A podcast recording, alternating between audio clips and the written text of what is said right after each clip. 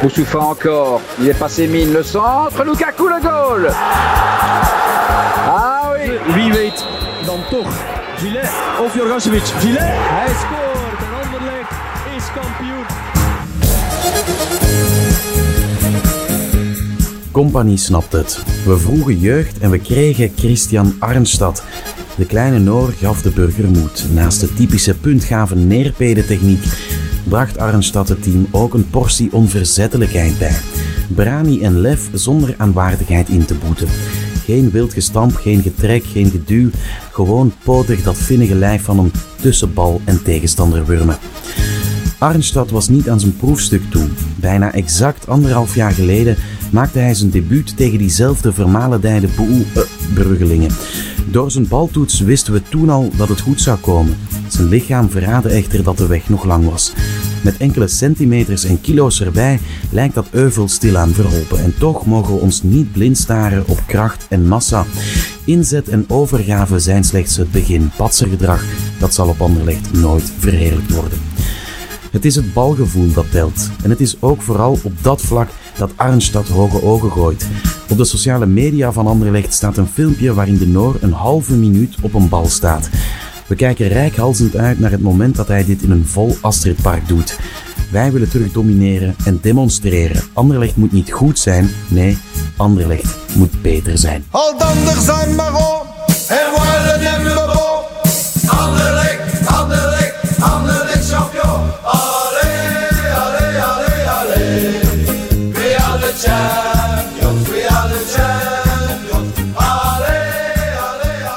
Welkom bij Radio Radzinski, de podcast over RSC Anderlecht van Brus. Aflevering 55 alweer, met eh, opnieuw de vertrouwde gasten aan tafel. Dag eh, Rijn. Dag Godfried. Dag Pico de Legend. Goedenavond Godfried. Ja, en we zijn niet met drie vanavond. We hebben weer iemand er eh, kunnen bijhalen. Eh, Jan Kajaert, educatief begeleider van Paars Wit Talent. Zeg ik dat zo goed? Dat is heel mooi Ja. gezegd. Misschien om direct even kort voor te borduren op de introtekst van Rijn. Kan jij een halve minuut op een bal staan? Ik kan nog geen ene seconde op een bal staan. Daarom ben ik, eh, doe ik die job op Anderlecht. Dan ben ik geen coach of iets anders. Ja, misschien moet je eens kort uitleggen wat jouw job eigenlijk juist inhoudt. Hè? Educatief begeleider, wat moeten de mensen daaronder verstaan? Wel, ehm, ik werk voor de pedagogische cel van de jeugdopleiding. Hè. Dus dat houdt in dat ik samen met mijn collega's, we zijn met een cel van vijf mensen, eh, de jonge talenten van de club begeleid op zoveel mogelijk domeinen, behalve het sportieve. En in de praktijk houdt dat in ehm, de samenwerking met onze partnerscholen, eh, de verschillende housingstructuren die we hebben, eh, twee internaten, vier gastgezinnen, en alle activiteiten naast het trainingsveld. Die organisatie daarvan, daar houden we ons ook mee bezig. Ja, dus je hebt wel wat talenten zien passeren doorheen de jaren natuurlijk. Jawel. Ja, ja. En wat spreekt jou zo aan in die job van, van zo'n jonge kitten eigenlijk, om het zo te zeggen, te kunnen begeleiden en in alles Ja, wat ze doen? Dat is, voor mij persoonlijk is dat gewoon dat, is bijna een soort droomjob. Eh, ik ben zelf fan van de club, ga dat niet ontkennen. Ik ben Brusselaar. Ik mag het me hopen natuurlijk. Ja, ja, wel, ja, maar ja, dat is ook zo op de werkvloer is het soms een beetje bon om te zeggen. eh, het is wel oké. Het gaat wel, het is wel oké met mijn passie, maar bij mij, voor mij geldt dat niet. Nee, en daarnaast ben ik onderwijzer van opleiding. Ik heb leerkrachtelijk Oké. onderwijs gestudeerd en vijf jaar in Brussel lesgegeven. En ik ben ook zes jaar jeugdwerker geweest.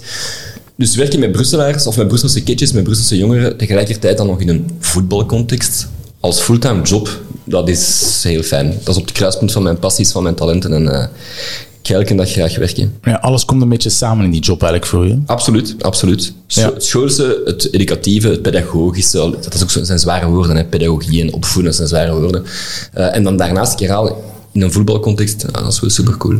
En je bent nog niet, hoe moet ik het zeggen, ehm, je bent nog niet teleurgesteld geraakt in je passie eigenlijk. Door, door zoveel in de voetbalwereld te, te zitten, heb je nog geen grote teleurstellingen opgelopen? Of? Ja, grote teleur- teleurstellingen niet, maar ik heb wel lelijkere kantjes van het voetbal leren kennen. Ja, ik ben nog eh, werknemer geweest onder de heer Van Olsbeek en de heer Van de Stokken. Eh, vijf jaar geleden. Ja, en op dat moment heb je zijn met- daar al. maar, nee, maar- ja, op op dat moment heb je met de heren geen contact. En ik herhaal, ik werk voor de jeugdopleiding. En daar is een heel capabel en stabiel management. Ehm, om de heer Kindermans en meneer Vermeulen niet te noemen. Ehm, maar goed, ja, ik lees dan ook de gazetten. En als 30% daarvan waar is, is dat jammer. Ja. Ja, kun je daar misschien nog iets dieper op ingaan? Dat je zegt van ja, de, de lelijke kantjes van het voetbal leren kennen. Wat moeten we daar dan onder verstaan? Ja, nee, er is, er is ontegensprekelijk, eh, naast de, romantische kant, waar ik als supporter mij graag en nog steeds aan gelaafd heb, is er ook een commerciële kant. Een businesskant. En dat gaat al hoe langer hoe jonger naar kinderen toe. Ja, en ik wou juist zeggen, zelfs op die leeftijd. helaas zelfs op die leeftijd, ja. ja Van, eh, vanaf wanneer spreken we dan dat dat al begint? Maar dat is eenvoudig. Ehm, in België kan je een eerste semi-professioneel contract tekenen op 15-jarige leeftijd. Dus dat betekent, maar natuurlijk, je begint die gesprekken met zo'n speler en zijn entourage. Begin je niet twee dagen voor zijn 15e verjaardag. Dat gaat er al van voor. Eh, dat begint al voor. En zal ik het zeggen, niet iedereen heeft door dat dat ook niet voor iedereen gegeven is. Zo'n eerste eh, profcontract. Ja, het voorbeeld Ik wil nog van- even zeggen, dat is ook Ja. een chance dat niet mijn deel van de job. Ik- Ja. Dat, is, eh, dat is de directie als je daarmee bezig met alles dat met contracten is en zo. Dus ik ben heel blij dat ik daar niet mee moet te maken heb. Ik ben heel blij dat, dat de hebzucht van sommige mensen niet tot bij mij komt. Dat ik mij gewoon met de kitten kan bezighouden en dat is, eh, dat is het fijnste. Ja, het, het grootste voorbeeld van iemand die ja, heel jong benaderd is geweest, is natuurlijk de laatste weken was, was, was Bonida. Eh, daar is al veel over gezegd. Ben, ben jij met hem, heb jij met hem gewerkt ook? Of, Ik, eh? jawel, wel, ja, heel close. Ehm, om twee redenen. Ik ben vijf jaar geleden begonnen, dus toen was Rayan U11, als ik me niet vergis. Dat is het vijfde of zesde leerjaar. Ehm, en hij zat toen al op een partnerschool van de club in de lagere school van het Sint-Niklaas Instituut. Hij en nog andere jongens, waaronder Julien Duronville, en zijn even oud, ehm, namen toen al deel aan de befaamde middagtrainingen van de club. Ehm, ja, en die omkadering daarvan en die jongens van de school begeleiden, dat is helemaal in mijn straatje. Ehm, en zo heb ik Rayan meer en meer ja, opgevolgd en, en geprobeerd te begeleiden. En dat is ook wel goed gelukt. En de laatste jaren, eh, of het laatste jaar, waarin hij meer en meer richting de hogere regionen van de jeugdopleiding ging, hebben collega's dat overgenomen, want eh, iedereen heeft zijn domein, om het zo te zeggen. Ehm, nee, ik heb Rayan goed gekend en ik vind het jammer dat het eh, vele, vele werk van vele mensen binnen de jeugdopleiding, dat dat nu niet gehonoreerd wordt in de zin van genieten van Rayan in het Lottopark. Punt. Ja. En dat is gewoon super jammer. Kun je daar eigenlijk, ik weet niet of dat mogelijk is natuurlijk, hè, maar zo iemand als Rayan begeleiden van U11 tot, eh, ja, normaal gezien dan hopelijk eh, eerste, eerste ploeg. Kun je, heb je daar een zicht op hoeveel dat, dat qua financiële inspanning van de club... Totaal niet. Nee, dat is super moeilijk. Nee, dat is, dat is moeilijk in te schatten, want dat, dat is ook bij iedereen individueel. Ehm, de de eh, coördinator van de academie zegt altijd, eigenlijk is voetbal, of toch professionele jeugdopleiding, is een individuele sport. Omdat iedereen, nou niet iedereen, de, de toptalenten hebben een individueel traject, want die hebben allemaal andere noden. En Jeremy Doku heeft andere noden dan Jari Verscharen. En dus daar moet ook aan, door, bijvoorbeeld door de fysieke staf, anders mee gewerkt worden. Ja. Andere jongens hebben meer nood aan ondersteuning op mentale. Dat is, een, dat is een individuele benadering. Dus om, daar, om dat te meten of om dat in, in, in, in eh, financiële zaken uit te drukken, nee, dat is te moeilijk, ja. Nee, dat ga ik me niet aan wagen. Kun je eens beschrijven wat, wat voor iemand dat, dat is, eh, Ryan Bonino? Hoe, hoe moeten we die jongen zien? We gaan wel lang praten over een jongen dat binnen twee maanden Ik het, zit. hè. het interesseert me wel. Ja, maar dat begrijp ik. Nee, nee, want er is ook veel over hem ge- ge- geschreven. Ja, maar nooit wat voor iemand dat dat is Nee, en ik heb ook nooit hem aan hem zelf iets horen zeggen, buiten zo gefabriceerde filmpjes van... eh, Touzani, te- allee, zo. Ja, ja, zo'n zaak. Ah, wel, maar daar is hij nog, daar is hij de spontane speelse Rayan dat ik ken. En daar zie ik hem graag bezig. Hoe is Rayan? Ehm Rayan is een jonge kid, is 15 jaar. Ik nodig jullie uit om na te denken hoe je zelf was op je 15 jaar. Ja, ik weet het zelf van mijn eigen en ik ga het hier niet op de radio zeggen. Ja, wiet roken aan de kerk bij mij, denk ik. Ja, ik niet. Ah, ik niet. Maar ehm, Mama, ik ook niet.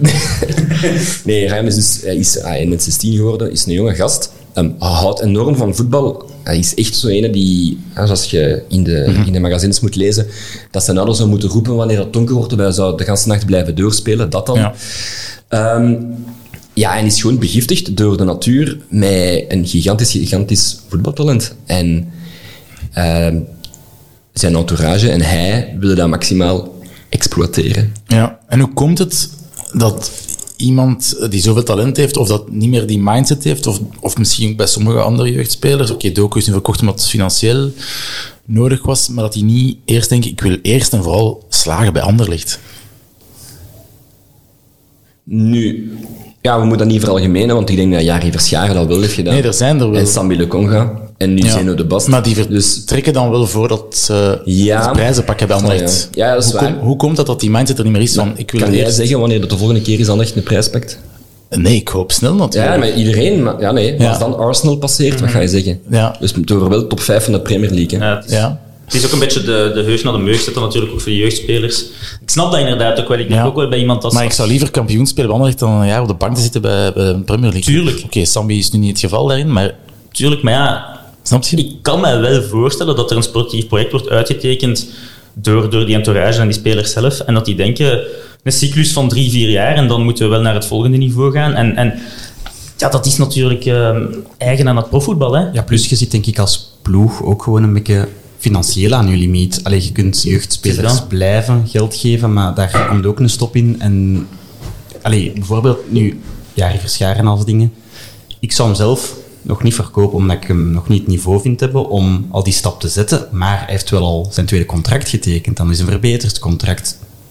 Ja, Hoeveel exact. marge is er nog ten aanzien van zijn prestaties van zijn vorige contract tot nu om hem extra te belonen en hem nog langer te binden en ook voor zichzelf?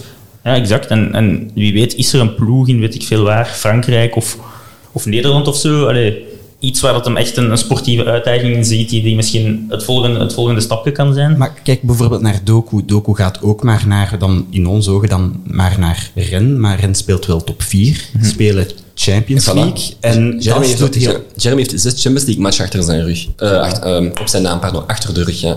Achter zijn naam staan. voilà. Dank u wel.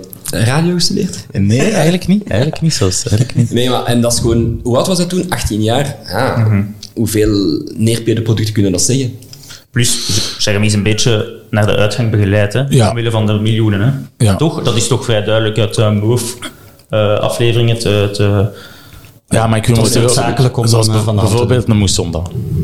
Ja, Waarom- Alweer al dat verhaal. Ja, Ja, maar dat is zijn, dat zijn niet Maar waarom... gaan we dat nu als standaard nemen? Het verhaal van Charlie Musonda. Dat is, Dat is niet de standaard, maar dat is wel triestig. Natuurlijk, dat is maar dat gaat niemand ontkennen. Nee, dat gaat niemand ontkennen. Nee, absoluut. Ja. Maar ik blijf ook bij, het blijft ook triestig voor hemzelf. Want zonder de blessures bij Moussonda Ja, had het misschien wel een juiste keuze kunnen zijn. Dat gaan we nooit, dat gaan we nooit weten. ja. Maar ik wou nog even doorgaan van... ja, doe maar. Hey, Godfried begon van eigen... Hebt al veel jongeren begeleid en toen werd het even stil. En dan vraag ik me af van welke jongeren allemaal en waar zeg je vier op? Ja, ik vrees een beetje dat die vraag ging komen, want dat is zo wat name dropping. Hè. Zo, Ja, ja, dat is waar, maar ik zou je van mij de Serge Simonaar van Neerpeden. Kom aan, jongens. Maar daarom hebben u ook eh, naar hier gehaald, omdat... Nee, maar het is... eh, ehm, ik ben begonnen in 2017 en toen zat eh, Jeremy Doku in het vierde middelbaar. En toen had hij, was hij lid van de U17 van coach Mo Ouabi. Ehm, kampioen gespeeld trouwens, waardoor we het jaar nadien Youth League konden spelen. Ja, en Jeremy zat dus in het vierde en had dus begeleiding nodig. Net als op dat moment generatiegenoot Eliot Matazo. Ah, begeleiding nodig, dat klinkt zo zwaar, maar werd dus begeleid door de pedagogische cel. Hè, omkaderd. Dat is, is niet dat dat speciale eh, gevallen waren of zo. Eliot Matazo, eh, Marco Cana, eh, Anwar, alhoewel, we hebben binnen onze pedagogische cel hebben we eigenlijk twee schoolprojecten lopen, een Franstalige poot en een Nederlandstalige poot. En de Franstalige poot op dit moment wordt gedaan door mijn collega Massimo. En dus die is de, de Sardellas en de El Hadje en de Cadolica's, dat nu bij de U21 van Mechelen zit. Eh, Monticelli, dat aan top komen is, die vallen onder zijn hoede.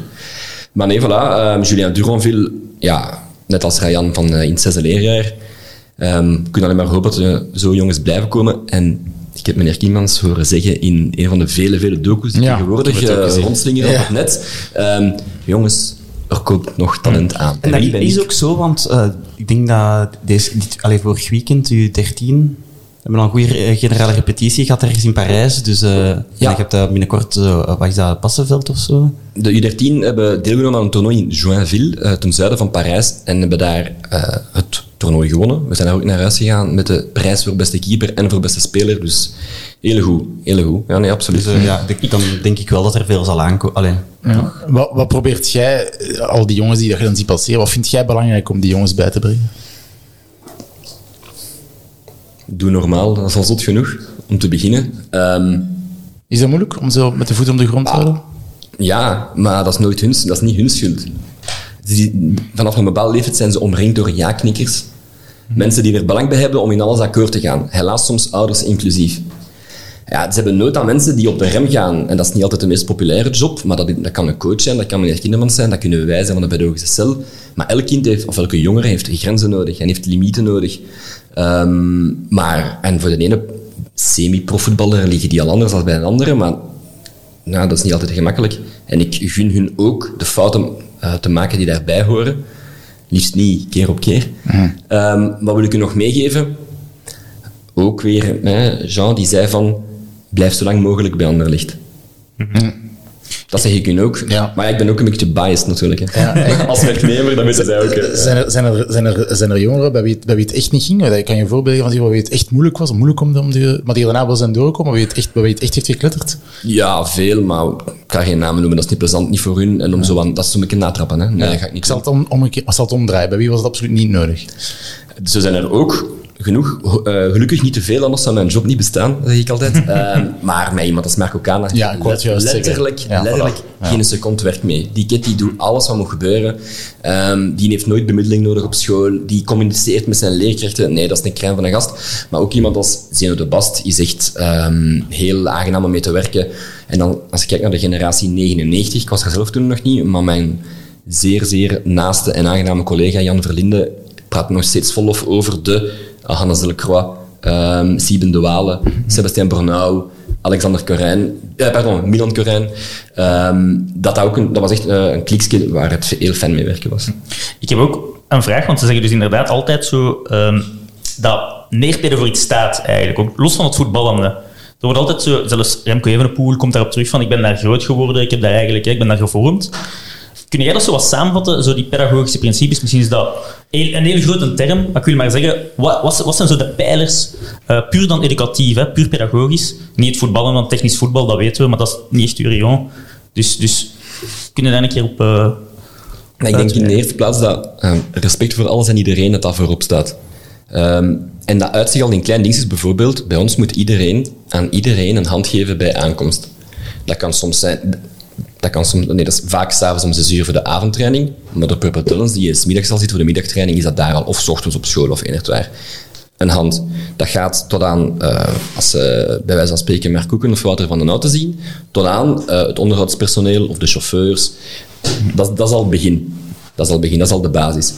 Ehm, en daarnaast, waar we eigenlijk ook voor staan binnen ons eh, soort pedagogisch project, is samenwerking met klassieke scholen, met eh, scholen die klassiek onderwijs aanbieden. Waardoor dat we een beetje kunnen, ik ga niet zeggen teren, maar waardoor we wel dezelfde normen en waarden als onze, en ons Vlaams onderwijs is eh, zeker eh, goed, ehm, waardoor we daarmee een samenwerking kunnen aangaan. Ehm, we kiezen er bewust voor om niet met topsportscholen samen te werken. In de eerste instantie omdat we willen vermijden dat onze jongens eigenlijk vanaf 12 of 13 jaar in een soort monotone topsportcultuur waarin het alleen maar over voetbal gaat, eh, vertoeft. Nee, laat ze maar gaan naar het Sint-Niklaas-instituut, laat ze maar gaan naar het Sint-Guido-instituut, waar ze met, in een klas van 20 zitten, met vier voetballers en 16 mensen die vaak genoeg zeggen, "Pff, hey, met je voetbal van op zaterdag, het interesseert mij niet, ik hoef het niet te weten, tof dat je er bent, maar Dat is een beetje gelijk mijn vrouw, eigenlijk. Heb je ook begeleiding nodig? hè? Nee, nee, maar daar, daarom blijf ik ook eh, met de voetjes op de grond. Hè. Ah, ik dacht, je zei, daarom blijf ik bij mijn vrouw. Dat doe ik, dat doe ik. Dat. Nee, we zijn heel blij dat we dat, we dat kunnen, aan de jongens kunnen aanbieden. Ik herinner mij ook heel lang geleden was er zo de reality-reeks rond Romelu Lukaku. En op een bepaald moment ging hij... De, met- de school van elkaar. ja, ja, dat inderdaad. ik moest even eh, nadenken. Ja, gaat al dat is tien jaar terug of zo. Ja, ja, ja. Maar ehm, op een bepaald moment ging hij met zijn school naar Londen. Ja, ik denk dat dat voor Het Chelsea-filmpje. En- Waar het stadion Ja, gaat, ja, ja, inderdaad. Ik denk dat dat voor hem en voor al die anderen, om daar gewoon naartoe te gaan in een klassieke context, en ook niet zo die een blink-blink van het voetbal, wat je dan eh, soms ziet. Nee, gewoon met school, met vier op een slaapkamer, in een slechte bus, eh, een nachtje doordoen, weet ik veel wat. Hmm. Dat is heel waardevol, in plaats van op je 17 jaar naar de topsportschool van Gent of van Brugge of van Antwerpen gaan. En dat is zeker een van onze Hmm. Ik pijlers. denk dat hem daar nu wel anders binnenstapt. Vandaag. In het stadion. Het is wel, het is wel Minder denk ik. Ja. Ik weet niet of iemand dat gezien heeft op beeld dat hem op de bank zit. Is gewoon... Ja, maar ja, als Lukaku op de bank zit, dat is... allee, Ja, dat is pijnlijk. ja, dat is woede. is hè. jammer. Je ziet met de woede bijna van, van die zijn gezichtstralen. Ik vind dat heel mooi, ergens. Ja, ja, maar het is... Het, ik vind Het is jammer. pijnlijk, als, je ja. die, als je die twee filmpjes naast elkaar zit... Het is, eh, En het is ook niet dat ze aan het winnen zijn, hè, Chelsea. Nee, dat is De laatste tijd kan beter. Hè. nee, nee, ja. Ik vind dat echt al zot dat hij op die bank kan blijven zitten. Ja, maar zij- je ziet bijna dat hij op dat veld wil lopen en Ja, wie weet is die vastgeplakt of zo. dat zou mij niet verbazen. Hè. Dat zou Ja. mij echt niet Maar verbazen. Bon Hazard is nog erger, dus hij mag toch Wel weer kampioen, hè, Hazard. Ja. Ja, oké, ja. Ja. Maar ja, Romelu, daar komt een oplossing voor. Hè? Dat denk ik ook wel. Maar bon, we, we wijken af. Eh, misschien moeten we er iets bij halen om te drinken. Het is het moment misschien. Ik heb wel dorst. Ja. Ah, voilà. Chef, un petit verre, on a soif. A soif. Une petite bière, on a soif. On a soif. On a soif. Elke week op, eh, ja, drinken we biertjes van de Brussels Beer Project. Deze week is dat niet anders. En ik kan u zeggen, hij heeft iets, eh, hij heeft iets stevig eh, klaarstaan. Ik, ik weet niet, of, ik het, of ik het ga lusten. Ja, ik weet niet of ik het ga lusten, want ik ben niet zo voor bruine bieren. Ik heb daar ook al... Dit is, dit is gewoon pikzwart. Ja, Het is een glas cola dat je vast hebt. ja, het is ook 12%, maar ik stel voor dat we het eens eh, laten uitleggen door eh, Dimitri van Rooyen ik zelf. hè. vertrouw een Dimi volledig. Dus ik Ja, voilà. Dat is uw grote vriend, hè? Ja, dat is echt... Dit heeft me al veel levenswijsheid bijgebracht. Ja, die, die voorziet ook Rijn gewoon van een kwartiertje plezier per week. Dus Ja, voilà, het is dat. Maar we zullen het eh, hem zelf laten uitleggen wat we deze week eh, door ons keel gaat gaan gieten. Iets donker en zwaar deze keer met deze Resist, waarvan de opbrengst gaat naar het eh, Rode Kruis in Oekraïne. Een anti-imperial stout eh, met heel wat ingrediënten, dus heel wat body. Ehm, koffie is er ook aanwezig van Wide Awake, de branderij hier om de hoek in Donsard. Hazelnoten, cacao en vanille. Dus een heel donker, zwaar bier. Eh, zeker meer een, eh, een dessertbiertje eh, voor op het einde van de avond. Ehm, laat smaken. Ja, hallo, een dessertbiertje. Merci, Ik niet. Ik vind echt, ja... Mensen gaan echt... Ik ga het niet meer geloven, hè. Maar Jij vindt het weer fantastisch, zeker? nee, want ik ben echt... Ik, ik vind donker bier meestal niet lekker. Maar op een of andere manier kunnen ze er toch weer in slagen om dat toch, ja... Interessant te doen proeven voor mij. Nu, eh, voor degenen die het niet lusten, Jan, vind jij het lekker? Ik moet nog proeven, maar ik durf niet. Ja, ik snap het. Ja, Ik ga hem nu proeven. hè. het is zo, met de... Ja, je zou het als mazoet kunnen ook gebruiken, denk ik. ik, ik ga eerlijk zijn. ehm ze zouden dat gewoon moeten in Russisch gebied droppen in de Donbass. En de oorlog is binnen, binnen het uur gewonnen voor de Oekraïners. Ja, Het is wel drinken voor het goede doel. Ja, dat is zo- Ik heb al veel mijn eigen wijs gemaakt dat drinken goed is, maar dit is wel... nu is het wel echt zo, hè? Ja. Echt Dus wel kopen, zwaar. mensen, kopen. Ja, ja, het is 12 procent. Dus, Ja, maar eh, je voelt het echt, hè. ja. Stop de oorlog. Nu, eh, ik heb ook nog een fles cava klaargezet voor, moest het het eh, niet binnenkrijgen. Het is maar dat je het weet. hè. Ik krijg dat binnen, zo godfried, je moet naar mij niet kijken. Oké, heel goed. Bon, terug naar eh, waar dat we waren. Iets wat ik wel nog eh wou vragen is, nu dat je wel al wat natuurlijke ervaring hebt in uw métier, ehm, kunt jij aan iemand zien, of een jongen die binnenkomt van meteen bij, bij, bij het eerste contact van, of na een aantal blikken of minuten dat je hebt met hem gesproken van, het kan wel een keer moeilijk worden. Of, of ik voel dat, dat, hier, eh, dat hier problemen kunnen ontstaan. Ja. Maar definieer problemen. Ik wil dan zeggen- jongens, ik zal, dan, ik ga een beetje antwoorden op je vraag. Het Purple Talent project, waar Anderlecht voor staat en waar ik heel veel eh, procent van mijn tijd in steek, van mijn fulltime contract insteek, is ehm, dat is echt zwaar omdragen. Dat is ook niet iedereen gegeven. Eh, Je gaat naar, naar school, naar een studierichting, niet om op vakantie te gaan. En daarna, of tegelijkertijd ehm, volg je eigenlijk een zware topsportopleiding. Ehm, die combinatie, die, het aantal uren dat ze daarin steken in dat programma, dat is echt tamelijk zwaar. En we bieden dat aan aan veel jongens in de hoop dat wie dat doorstaat, ik kan niet zeggen als een soort survival of the fittest, maar wel als een goede oefening in doorzettingsvermogen en in al semi-professioneel leven, de juiste attitude tonen. Wie dat kan, wie daarin slaagt, daar heeft de club wel al een goed oog op dat die ook in de jungle van topsport hun mannetje zullen staan. En ja, soms dan komt er een binnen, een jongen, 13, 14, 15 jaar. En dan zie je al van, ehm, als er bij jou geen attitudewijziging komt, wat altijd kan, en ik herhaal, ik heb al gezegd, eh, ik geef iedereen veel kansen. Iedereen krijgt de kans om fouten te maken en om dan daar sterker uit te komen. Maar als het bij, bij jou niet verandert, dan wordt het moeilijk om tot het zesde jaar en tot de U21 hier dit vol te houden. Hm. Is, het, is, dat, is het eerlijk om zoiets te vragen van iemand van 13? Dat is een goede vraag. Ehm, van 13? Ehm, nee, maar ik herhaal, zo, ai, ze krijgen veel kansen. Hè. En, en weegt dat zwaar door? Allee, zo het, het, het- ja, heeft dan dat Purple Talents project, hè, een ganse pedagogische cel rond hun jongeren. ehm, met een reden, hè, want dat is ook eh, economische opbrengst. Maar Zeker. hoe zwaar weegt dat dan door? Op dat dan het sportieve pakt nu een heel groot talent, maar loopt de kantjes ervan af? Van, Anderlecht durft die beslissing maken van is niet voor ons of... In de eerste plaats is Anderlecht een voetbalclub. En daarmee heb ik al veel gezegd. Ja. Maar ehm, wij geloven ook in een bepaald model ehm, om eh, bi- binnen talentontwikkeling. Wij geloven in, binnen, eh, in een bepaalde manier van werken. En wij geloven de manier waarop wij het doen, dat we daarmee het meeste kans hebben om jonge profvoetballers af te leveren aan de A-ploeg. Af te leveren aan de A-ploeg. Ehm, maar dat wil niet zeggen, en dan ga ik terug naar wat ik juist heb gezegd, een individueel traject. Het is een individuele sport eigenlijk, ondanks dat het een teamsport is. Indien nodig zullen we met sommige gasten een aangepast traject aangaan om daar toch een profvoetballer van af te geven, of eh, van, van te maken. Maar ehm, dat is dan ook weer niet voor iedereen gegeven. Ah, en, en zo een individueel traject, wat, moet ik daar allemaal dat- bij voorstellen? nee, Dus dat de, is dag dan- begint, de dag begint... Dat- Maar dat, wat ik nu op het einde net zei, dat is dan buiten ons schoolproject, wil ik daarmee zeggen. Ja. Maar ehm, ja, ik geloof persoonlijk ook dat je wordt daar geen rijker mens van. Je wordt daar misschien ook, ook profvoetballer mee.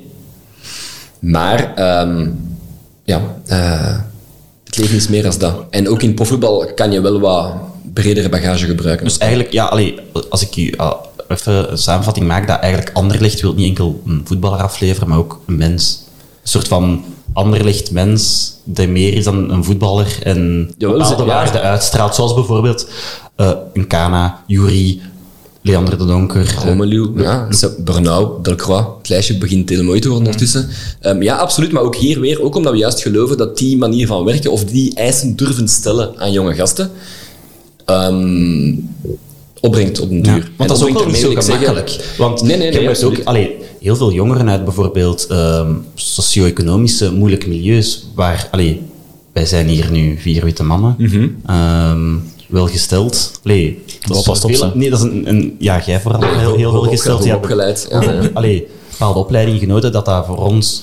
Wij kunnen dat heel rationaliseren, maar voor heel veel jongens en heel veel families is dat toch heel veel moeilijker om daarmee te kunnen omgaan. eh. Nee, dat klopt, maar dan is het ook de taak van de pedagogische cel om dat juist te Ja. kaderen naar iedereen wat binnen ik Anderlecht. naartoe wou daar juist ook van. Zijn er bepaalde factoren waarvan dat jij kunt zeggen, een checklist van ja, dit, hier zal werk aan zijn, of je voelt van die komt vandaar, dit, eh, die achtergrond, dat de Ja. profiel, Nee, dat je op voorhand ja, weet. absoluut. Nee, absoluut. Ja. Ehm, wie binnenkomt met een rugzakje, dan gaan we die eerst moeten helpen om dat rugzakje af te doen. Hè. Eh, En dat nee, heeft soms tijd nodig. Of zijn dat juist de sterkere?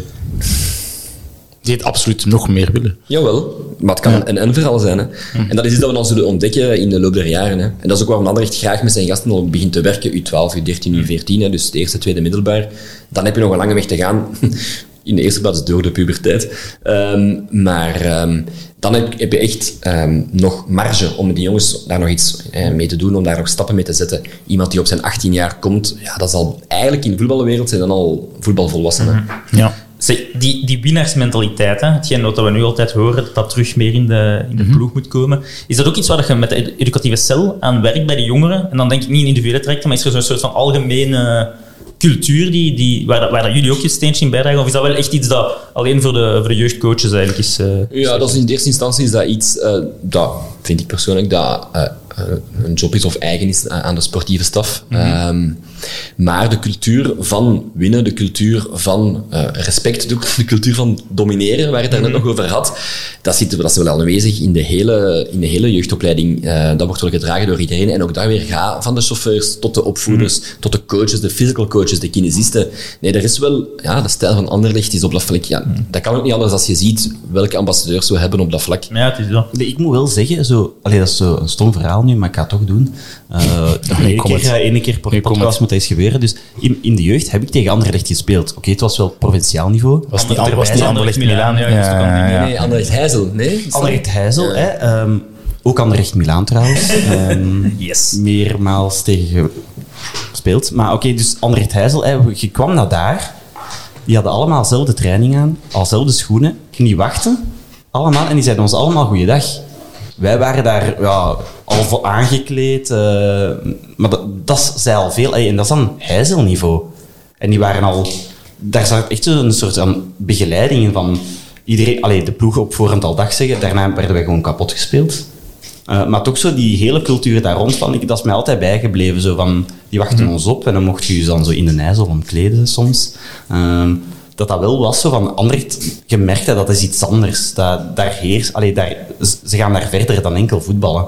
Ehm, het is zo een totaalbegeleiding, totaalplaatje. En allee, ik vermoed dan, als dat al op de heizel zo is, dat dat... Bij Als de ik misschien advocaat van de duivel mag spelen, ehm, dat gaat misschien dan toch wel heel ver. Zo die, die jongens totaal in onder... Ik denk voor iemand die niets van voetbal kent, die daar gewoon buiten aan denkt van, wat is dat voor een brainwash? Ja, maar ik denk, wat, dat, wat dat wij bedoelen, denk ik, Godfried, en ja, Jan moet maar ontkrachten of, of, of meegaan in ons verhaal, is eerder een soort van, eh, ik ga een heel moeilijk woord misschien gebruiken, bildung ideaal. Dus dat iemand echt zo... Hallo. Dat, dat, nee, maar dat je echt zo tot een soort van volwassen persoon wordt, die inderdaad respect heeft, maar ook iets wil bewijzen of zich wil, wil tonen. En dat, allee, ik denk nu niet zozeer dat dat heel negatief is van eh, over lijken gaan of zo. Ik denk eerder dat dat, dat, dat iets is van ja, een soort van ambassadeur zijn van, eh, van, van, van een cultuur. Ik wil maar zeggen, is het absoluut nodig ook soms de bereiding? Want ik denk dat er zoveel andere jongeren zonder voetbal het op hun eigen moeten doen. En die het ook wel slagen om een, om een mooi mens te worden. Of, allee, snap je wat ik wil zeggen? Of uh, vind je dat... Ja, dat is waar, maar bij Anderlecht spreek je denk ik wel... Allee, ja, Jan mag mij altijd onderbreken, maar bij mij was voetbal na het school is een paar keer in de week, maar daar is dat van s morgens vroeg. En dat is ook ingebeiteld in hun dagindeling. Die staan vroeg op, die gaan naar school, dan gaan die trainen in de middag, dan moeten die wat school inhalen, dan is dat terugtrainen, en dan terugschool, dan terugtrainen, dan s'avonds nog. Allee, dat is wel... ik Denk, allee, dat is 7 op 7 quasi, dat die met voetbal bezig zijn en dan nog hun gewoon leven. Allee, ik zou het nooit gekund hebben. Nee, als het, het programma zo zwaar is als het nu is, en je geeft een hele goede weergave, want zo is het ook, het is van hot naar her, het is constant op het toppen van je tenen, op school je best doen, op training je best doen, op de bus je gedragen, in de studie braaf zijn, en dan naar huis de discipline, de discipline hebben om niet Champions League te kijken, of naar de Rode Duivels te kijken, maar toch nog die boeken open doen om half negen. Dat werkt niet bij kinderen, dat werkt niet bij tieners, als daar geen dagdagelijkse structuur of omkadering eh, bij komt kijken die die jongens daarbij helpt. Dat gaat niet. Ik denk dat elke jeugdwerker of elke leerkracht of elke mama of papa van een tiener u kan zeggen. Dan, dan is het wel ergens nog een geprivilegeerde situatie dat ze wel die begeleiding hebben. Tuurlijk, nee, nee, tuurlijk, absoluut. Nee, nee, maar daar, zijn, daar kan ik allemaal hopen dat ze je daar bewust van zijn. Ja, ja. Wel, maar het is daarom dat, ik- dat, ik- dat ik er ook heel erg... Dat ik neerpeden zoiets fascinerend vind. Omdat het effectief ook zo'n omkadering biedt voor ook de mensen die het niet halen. Eh Kindermans in die documentaires, eh, bijvoorbeeld die UEFA-documentaire, waar Jan ook hier in te zien is trouwens. Ehm, daar zie je dat, dat, dat, dat, Kindermans dat ook zegt van... Er komen mensen dat niet hebben gehaald naar mij, dat mij dankbaar zijn voor wat dat ze hier ge- gekregen hebben. Dus dat soort, dat soort zaken, dat vind ik heel fascinerend, vind ik, vind ik heel mooi. Bijvoorbeeld, zo, een voorbeeld daarvan is, maar dat is nu echt van heel ver in- René Peters bijvoorbeeld, we hadden het er nog over, dat heeft ook in de jeugd van Anderlecht gezeten en heeft het ook niet gemaakt. Allee, heeft denk ik wel eens ingevallen of zo, maar heeft het ook niet gemaakt, maar is nu wel trainer en begeleidt ook die gasten, dus... Mooi beeldongs. eh, Mm, heel mooi mobielungsideaal. Uh, maar eh, voordat je me eh, begint uit te lachen met mijn eh, te theoretische principes, eh, ik vond het interessant dat je zei ehm, dat je tegen de jongens moet zeggen, die Champions League match moet je niet kijken, die Rode match moet je niet kijken, je moet de boeken terug open doen. Is er dan al eens een conflict gekomen met een trainer op dat vlak? Want ik kan me voorstellen dat er daar een trainer zegt van, deze avond, jongens, hè, Madrid eh, City, zit maar allemaal voor de tv, want daar ga je veel leren. Ja, niet op dat specifiek voorbeeld. Maar ik ga niet ontkennen dat ehm, de pedagogische cel en de sportieve cel met momenten met elkaar in dialoog moeten gaan om even de violen gelijk te stemmen. En, en gebeurt dat va- vaak dat jullie samen zitten?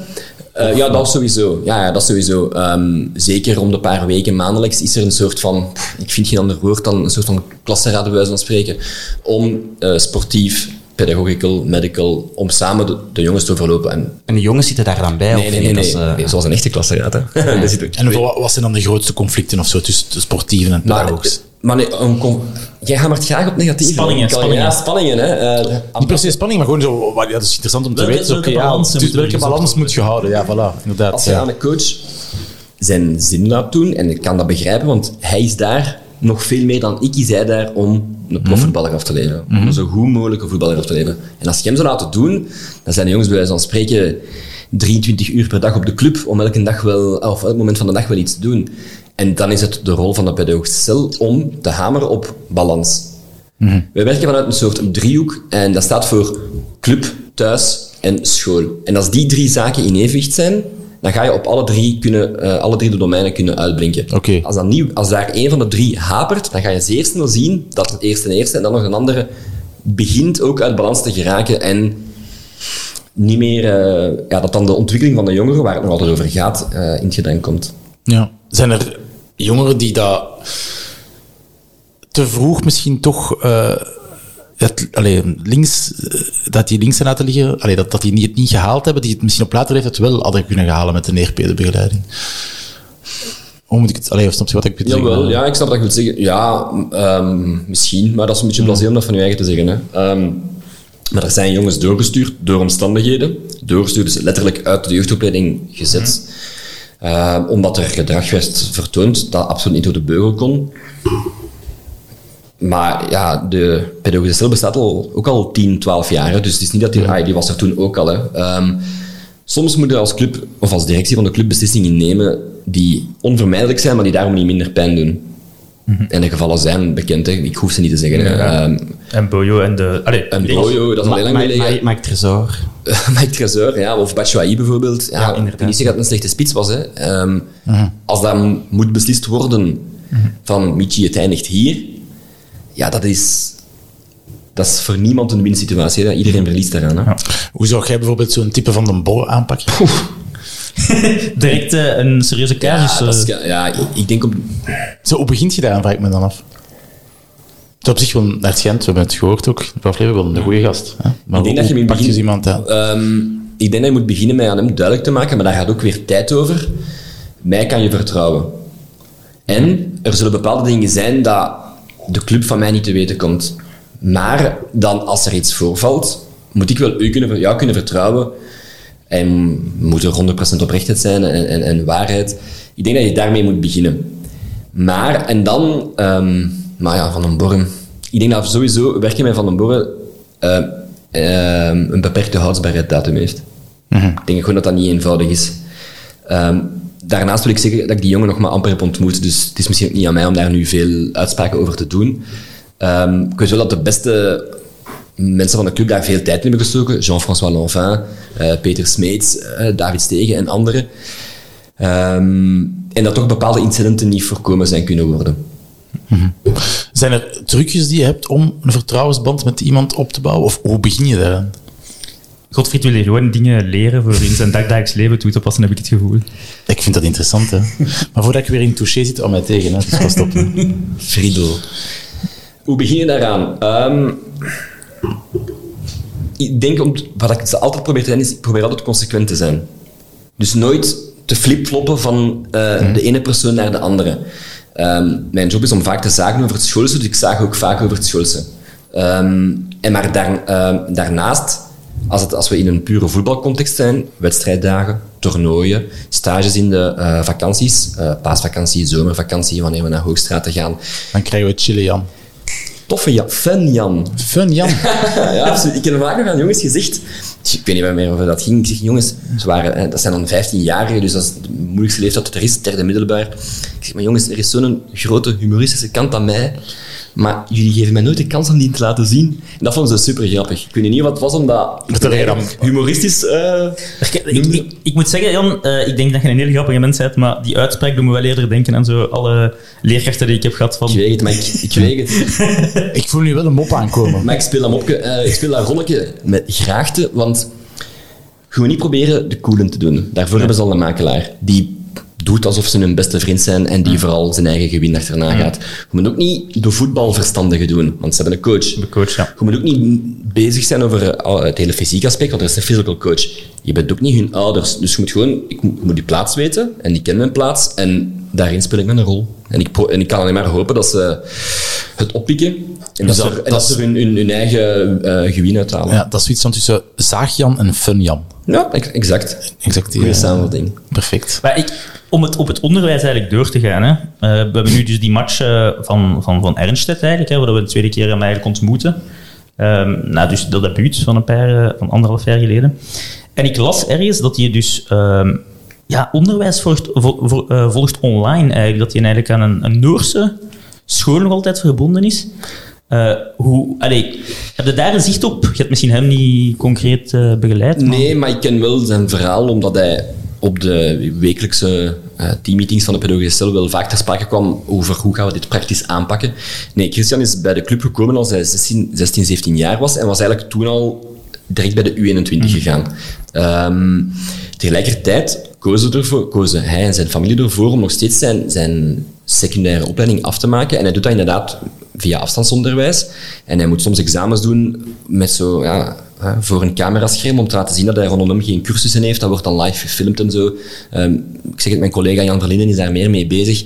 Maar het klopt dat Christian gaat nog steeds naar school. Nu, ik ken zijn leeftijd niet van buiten, maar is misschien 18 jaar. Ik weet niet, 2003 of zo. of 2003. Ja. Generatiegenoot van Stroeikens, hè. Dus. Ah, voilà. Ah, Mario gaat ook nog naar school. Dus, ehm, Ja, ik heb hem daar zien zitten. Ik moest een reportage gaan maken op uh, TSGI, was het, denk ik. ja, hè? En hij zat daar in een kamer apart eh, flink zijn, eh, zijn taken te doen. goeie gast Mario.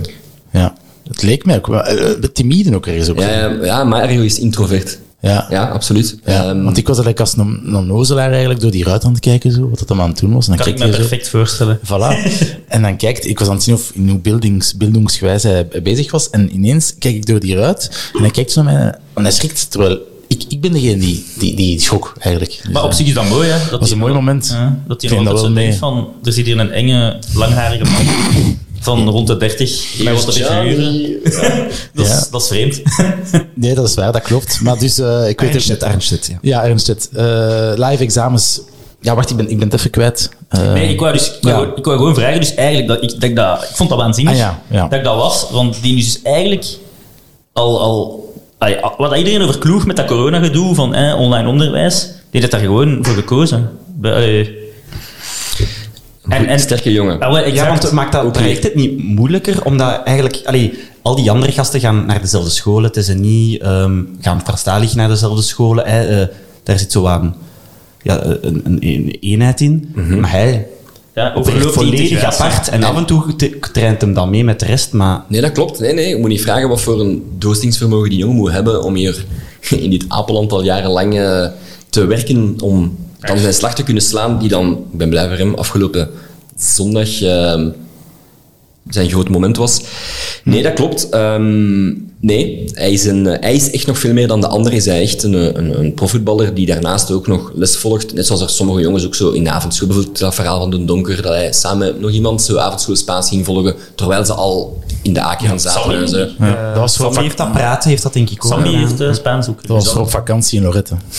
dat is daarom. Dat, dat, is dat toen. Dus dat is We, komen ook heel veel te weten over Godfiets en jeugd vandaag. Nee, ik kan geen Spaans. Dat was duidelijk een probleem. Dat was een probleem ook, dat ik geen Spaans kon. Beter meegevoerd. maar Ernst, dat is, dat is wel iemand dat je ziet... ehm, die zijn plaats wel zou verdienen in de, in de eerste ploeg. ik ja, ik ga mij zeker niet uitspreken over eh, sportieve zaken, maar ehm, ah, we hebben ook ehm, in, was het, was het in Moof, heeft eh, meneer Verbeke duidelijk gesproken. eh, ah nee, het was in La Tribu- eh, De Tribune, pardon, de, Tribune, ja. de, de podcast van Radio 1, of, ehm, heeft hij duidelijk gezegd dat ze in de toekomst rekenen op Christian Arnstad. Dus als Peter het zegt, dan zal, allee, kan ik niks meer aan Dus er toevoegen. is een toekomst voor Arnstedt in Anderlecht. Dat kunnen we bijna eigenlijk wel noteren. hè. Hij heeft zijn plaats eigenlijk wel. Ja. Ik vond, dat, ja, ik vond dat gewoon toen ik dat las van die school. Ik vond dat. Allee, dat is, en vooral dat, dat debuut. Hè? Anderhalf jaar geleden, dat is niet meegevallen. Of eh, dat is toch gepercipeerd als niet meegevallen. Dus die jongen zit hier, komt uit, uit, uit, uit, allee, uit Noorwegen. Moet dan die klap waarschijnlijk al een beetje te boven komen mentaal. Vermoed ik. Want ja, je weet, mogen debuteren. En dan lees ik nu ook, hij weet dan nu een dag voor de match of zo dat hij ging starten. Zijn ouders kunnen niet op tijd naar Brussel komen om die match live mee te... Allee, dat zijn toch echt... Dat is toch zot voor iemand van 18, dat je daar allemaal zo... Al die mentale dingen dat daar rond hangen. Mijn collega Jan, die ah, Christian van in het begin heeft opgevolgd en goed kent, en misschien wel als een soort grote broer of zo fungeert, heeft mij een paar maanden geleden nog gezegd, na een van zijn vele, vele topprestaties bij de U21, waar hij samen met mensen als Theo Leoni de kar trekt, Christian wordt aanvoerder van de Noorse nationale ploeg. En dat zal nog in de periode zijn waar Haaland en Eudegaard nog rondlopen. Toch ook geen klein bier. Dat is wel straf. hè. straffe woorden. Ik denk dat we onze soundbite hebben. Hij heeft, er, geen- hij, heeft er geen, hij heeft er geen timing op geplakt, maar hij gelooft erin. En Er wordt toch wel wat rond bij Noorwegen. En ehm, wat heeft de coach gezegd laatst? In, ay, niet laatst, gisteren of eergisteren. Hij maakt de grootste carrière van iedereen dat hier rondloopt. En er liepen wel wat talent rond. Ook bij Brugge, want als ik me niet vergis, zijn op dit veld. Eat that Noah Lang. Dat is hem. We, we krijgen de supporter Jan. We krijgen, hem. inderdaad. we krijgen hem. Hij heeft zich lang is dat, is dat, is dat, Fun Jan, Fun Jan. Oké, is dat iets... Is dat, Jan in de house. Maar is dat iets... ehm, Oké, als company zoiets zegt, eh, oké, dan, dan zal daar zeker eh 100% een grond van waarheid in zitten. Maar ik bedoel, is dat dan die gast toch nog gewoon vooral een boost geven? Want dat is misschien... Dat is toch wel straf. dat- er staat toch inderdaad wel wat op het veld. Dat wil dus zeggen dat Arnstad grotere carrière zal maken dan een Verschaar bijvoorbeeld. Ja, die stond nu wel niet op het veld. Ja, nee, oké. maar bon, allee, ja, dat is dan wel slim gezien van hem. Maar ik bedoel, ik snap toch wat ik wil zeggen. Ik- ja, maar ehm, ik denk wel dat Compagnie ehm heeft dan voldoende Premier League ervaring. Of aan Moezel, ja. Ja, daar, eh, ja. Ja. Ik denk wel dat, dat Coach Company voldoende Premier League ervaring heeft om bepaalde zaken te kunnen inschatten. En ik, laatst las ik of hoor, ik weet niet veel waar, ehm Samuel de Kong gaat zeggen van Company heeft mij voorbereid op wat het is om te spelen in de Premier League. Ja, ik denk dat als je dat kunt bereiken als coach met jonge talenten, echt mensen beter maken en afleveren bij Arsenal. Oké, hij was niet onbetwiste basisspeler, maar hij heeft wel heel veel gespeeld. Dat denk ik dat je goed bezig bent. En ehm, nu we het over compagnie hebben, denk ik dan ook aan Verbeke. ehm, hoeveel impact hebben zij op Neerpen een sociale rol? Of is dat echt wel kindermans? Ja. Is de, is de man, is de absoluut. baas? Ja, En nee, absoluut. Ja, pff, ik kan zelfs niet antwoorden op jouw vraag, omdat... Ja, nee. Zij zijn de, A- allee, zij zijn de A-kern en... Ja, absoluut. ja of, of de club Anderlecht. En daarbinnen heeft, heb je verschillende domeinen. Hè. Je hebt marketing, je hebt media, je hebt de A-ploeg, je hebt eh, sponsorship en je hebt de jeugdopleiding. En het is niet dat bijvoorbeeld compagnie ehm, mee aan tafel af en toe schuift voor bepaalde zaken of voor het begin van het seizoen. Voor... Ehm, er is veel overleg tussen meneer Verbeke, meneer Kindermans en meneer Compagnie, maar niet waar deze, deze eh, opvoeder bij is. Nee, nee, dat is, eh, nee, daar heb ik weinig mee te maken. Het is ook nog niet zo dat je hebt gezegd van, ja, die op school, dat gaat niet goed, hij luistert niet, we hebben hem totaal niet in de hand. Dat we gaan Vincent een keer halen. Hè. Vincent, kom er gewoon hierbij zitten en boos kijken. Kan wel dat helpen misschien. Kan wel helpen, Ja, denk ik. dat is nog niet geprobeerd. Er zijn ook maar 24 uur in een dag hè, voor Vincent. Als we daarmee moeten beginnen. Sorry, maar Misschien, misschien, misschien kan Lukaku dat nog doen. Allee, want zo in, wat was dat, die, In die UEFA special, dan Maar ik, ik zou gewoon s'nachts U18. een- een- iets laten opflitsen. Dat gezicht van Lukaku op de bank bij Chelsea. Dan, dan doet het dan net een schrik. Ja, als je dat beeld gewoon Gewoon dat beeld, bam, binnen. Maar Pico wou nog zeggen, en ik denk, ik vond het ook interessant, eh, in die UEFA-documentaire effectief komt er zo'n beeld voor dat eh, Lukaku zo super doodleuk gewoon zegt, ik bel één keer om de twee weken met uh, Wabi, pijs ik dat het was, om te horen wat er nog aan zit te komen bij de club. Dat vind ik legendarisch, hè. Dat vind ik Dat is wel echt zot, ja. legendarisch. Dat er gewoon zo'n P... Ze zegt van, oh, één keer om de 14 dagen bel ik die om ze te horen van, ja, wat zit eraan te komen, ehm, Hoe spelen ze? hoe spelen ze. Kun je dat bevestigen? Ik kan dat bevestigen nog ontkennen. Nee, ik, ik heb dat ook graag gehoord of gezien eh, op die documentaire. Maar ik ben ook niet op de hoogte met wie coach uh, Wabi allemaal beeld. hè. Dus, eh, nee, nee. Maar wie fijn, belde- maar fijn wie- om te horen, hè. Met wie beelde jij zo? Met Rijn. Zijn er nog... Zijn er nog ah, dat vind ik nog wel tof. Zijn er, Met Rijntje. ja. Voor de weg naar Flagette vragen. ja, voilà. Als hij weer met zijn vrouw ruzie heeft... Ik heb nog maar... Nee, echt misschien een kleine shout-out naar onze vrouwen. Ja. Rijn zijn vrouw, Helena, en mijn vrouw zijn fantastisch goed bevriend. Annabel, je bent de beste. Ik had haar beloofd om haar te vernoemen. Ze gaan nu super hard belozen, maar dat kan geen kwaad. Ja, dat- Kiki, jij ook trouwens. Allee, kom, Godfried. Eh, be- Liefste collega, jij, jij ook, eh, Luana. ook, eh, Maar wordt helemaal rood, Godfried. Ja, waar zijn we mee bezig? Maar dat vond ik wel eh, leuk nog om te weten. want zijn er, zijn er, zijn er mensen die, eh, of, of jongeren toen nog, die je begeleid, waar je nu wel nog, die, die weg zijn ondertussen, die je nog goed contact hebt en waar je wel nog eh, dingen van hoort, dat dat toch wel een band heeft, dat je toch gewoon een band hebt met die, met die jongens? Ehm, ja, dat gebeurt, maar ik wil ook niet... Weet die jongens worden zo druk gesolliciteerd, ook constant. En zeker nu met sociale media. Ai, er zijn er meer als genoeg dat zo hun notificaties op Instagram hebben afgezet, omdat ze constant van alles kregen. Dus, eh, maar Ah, van ons. het zou kunnen, nee. Nee, dat gebeurt hier en daar, maar ik beperk me, dan- beperk me dan tot de kleine dingen, zoals als ze hun debuut maken, of hun verjaardag, of eh, ah, met suikerfest, zoals gisteren ik naar sommigen. Maar nee, ik moet ook niet... Ik heb ook werk genoeg met het heden, dus... ehm, ja, het, zijn ook geen, het is ook geen familie van mij. Je moet ook hier weer een beetje die plaats Ja. kennen. Hè. Dus dat is Ja, ik snap het. Zo, Dat is gezond. En dan over het heden en de toekomst, allee, als ik daarover mag hebben, zijn er zaken die, je- allee, waar Anderlecht nog kan verbeteren, of niet per se verbeteren, of van, maatschappij verandert, alles verandert, van dat Anderlecht mee moet gaan en dat je hebt zien veranderen doorheen Wat een periode van vijf jaar? Wat Pico eigenlijk wilt weten, mogen wij nog eens les komen geven, gewoon zo kritisch omgaan met nieuwsbronnen of zo? Is dat niet iets wat dat die... Dat, je denkt dat de jongens nieuwsbronnen checken. Oei, sorry. Bildung. Bildung. Nee, dat was, niet wat, ik- dat was dus niet wat ik bedoelde. Ik bedoelde gewoon van, zijn er zaken die... Ja, bijvoorbeeld, ehm, ze werken zowel met jeugd... Alleen met gezinnen, ze werken met ehm busje nog waarschijnlijk. Ze werken met Internaat, hè? Van, zijn daar nog zo mogelijkheden dat jullie zeggen van... Want is dat... Ik hoor dan zo vier gastgezinnen. Mhm. Dat lijkt mij best weinig.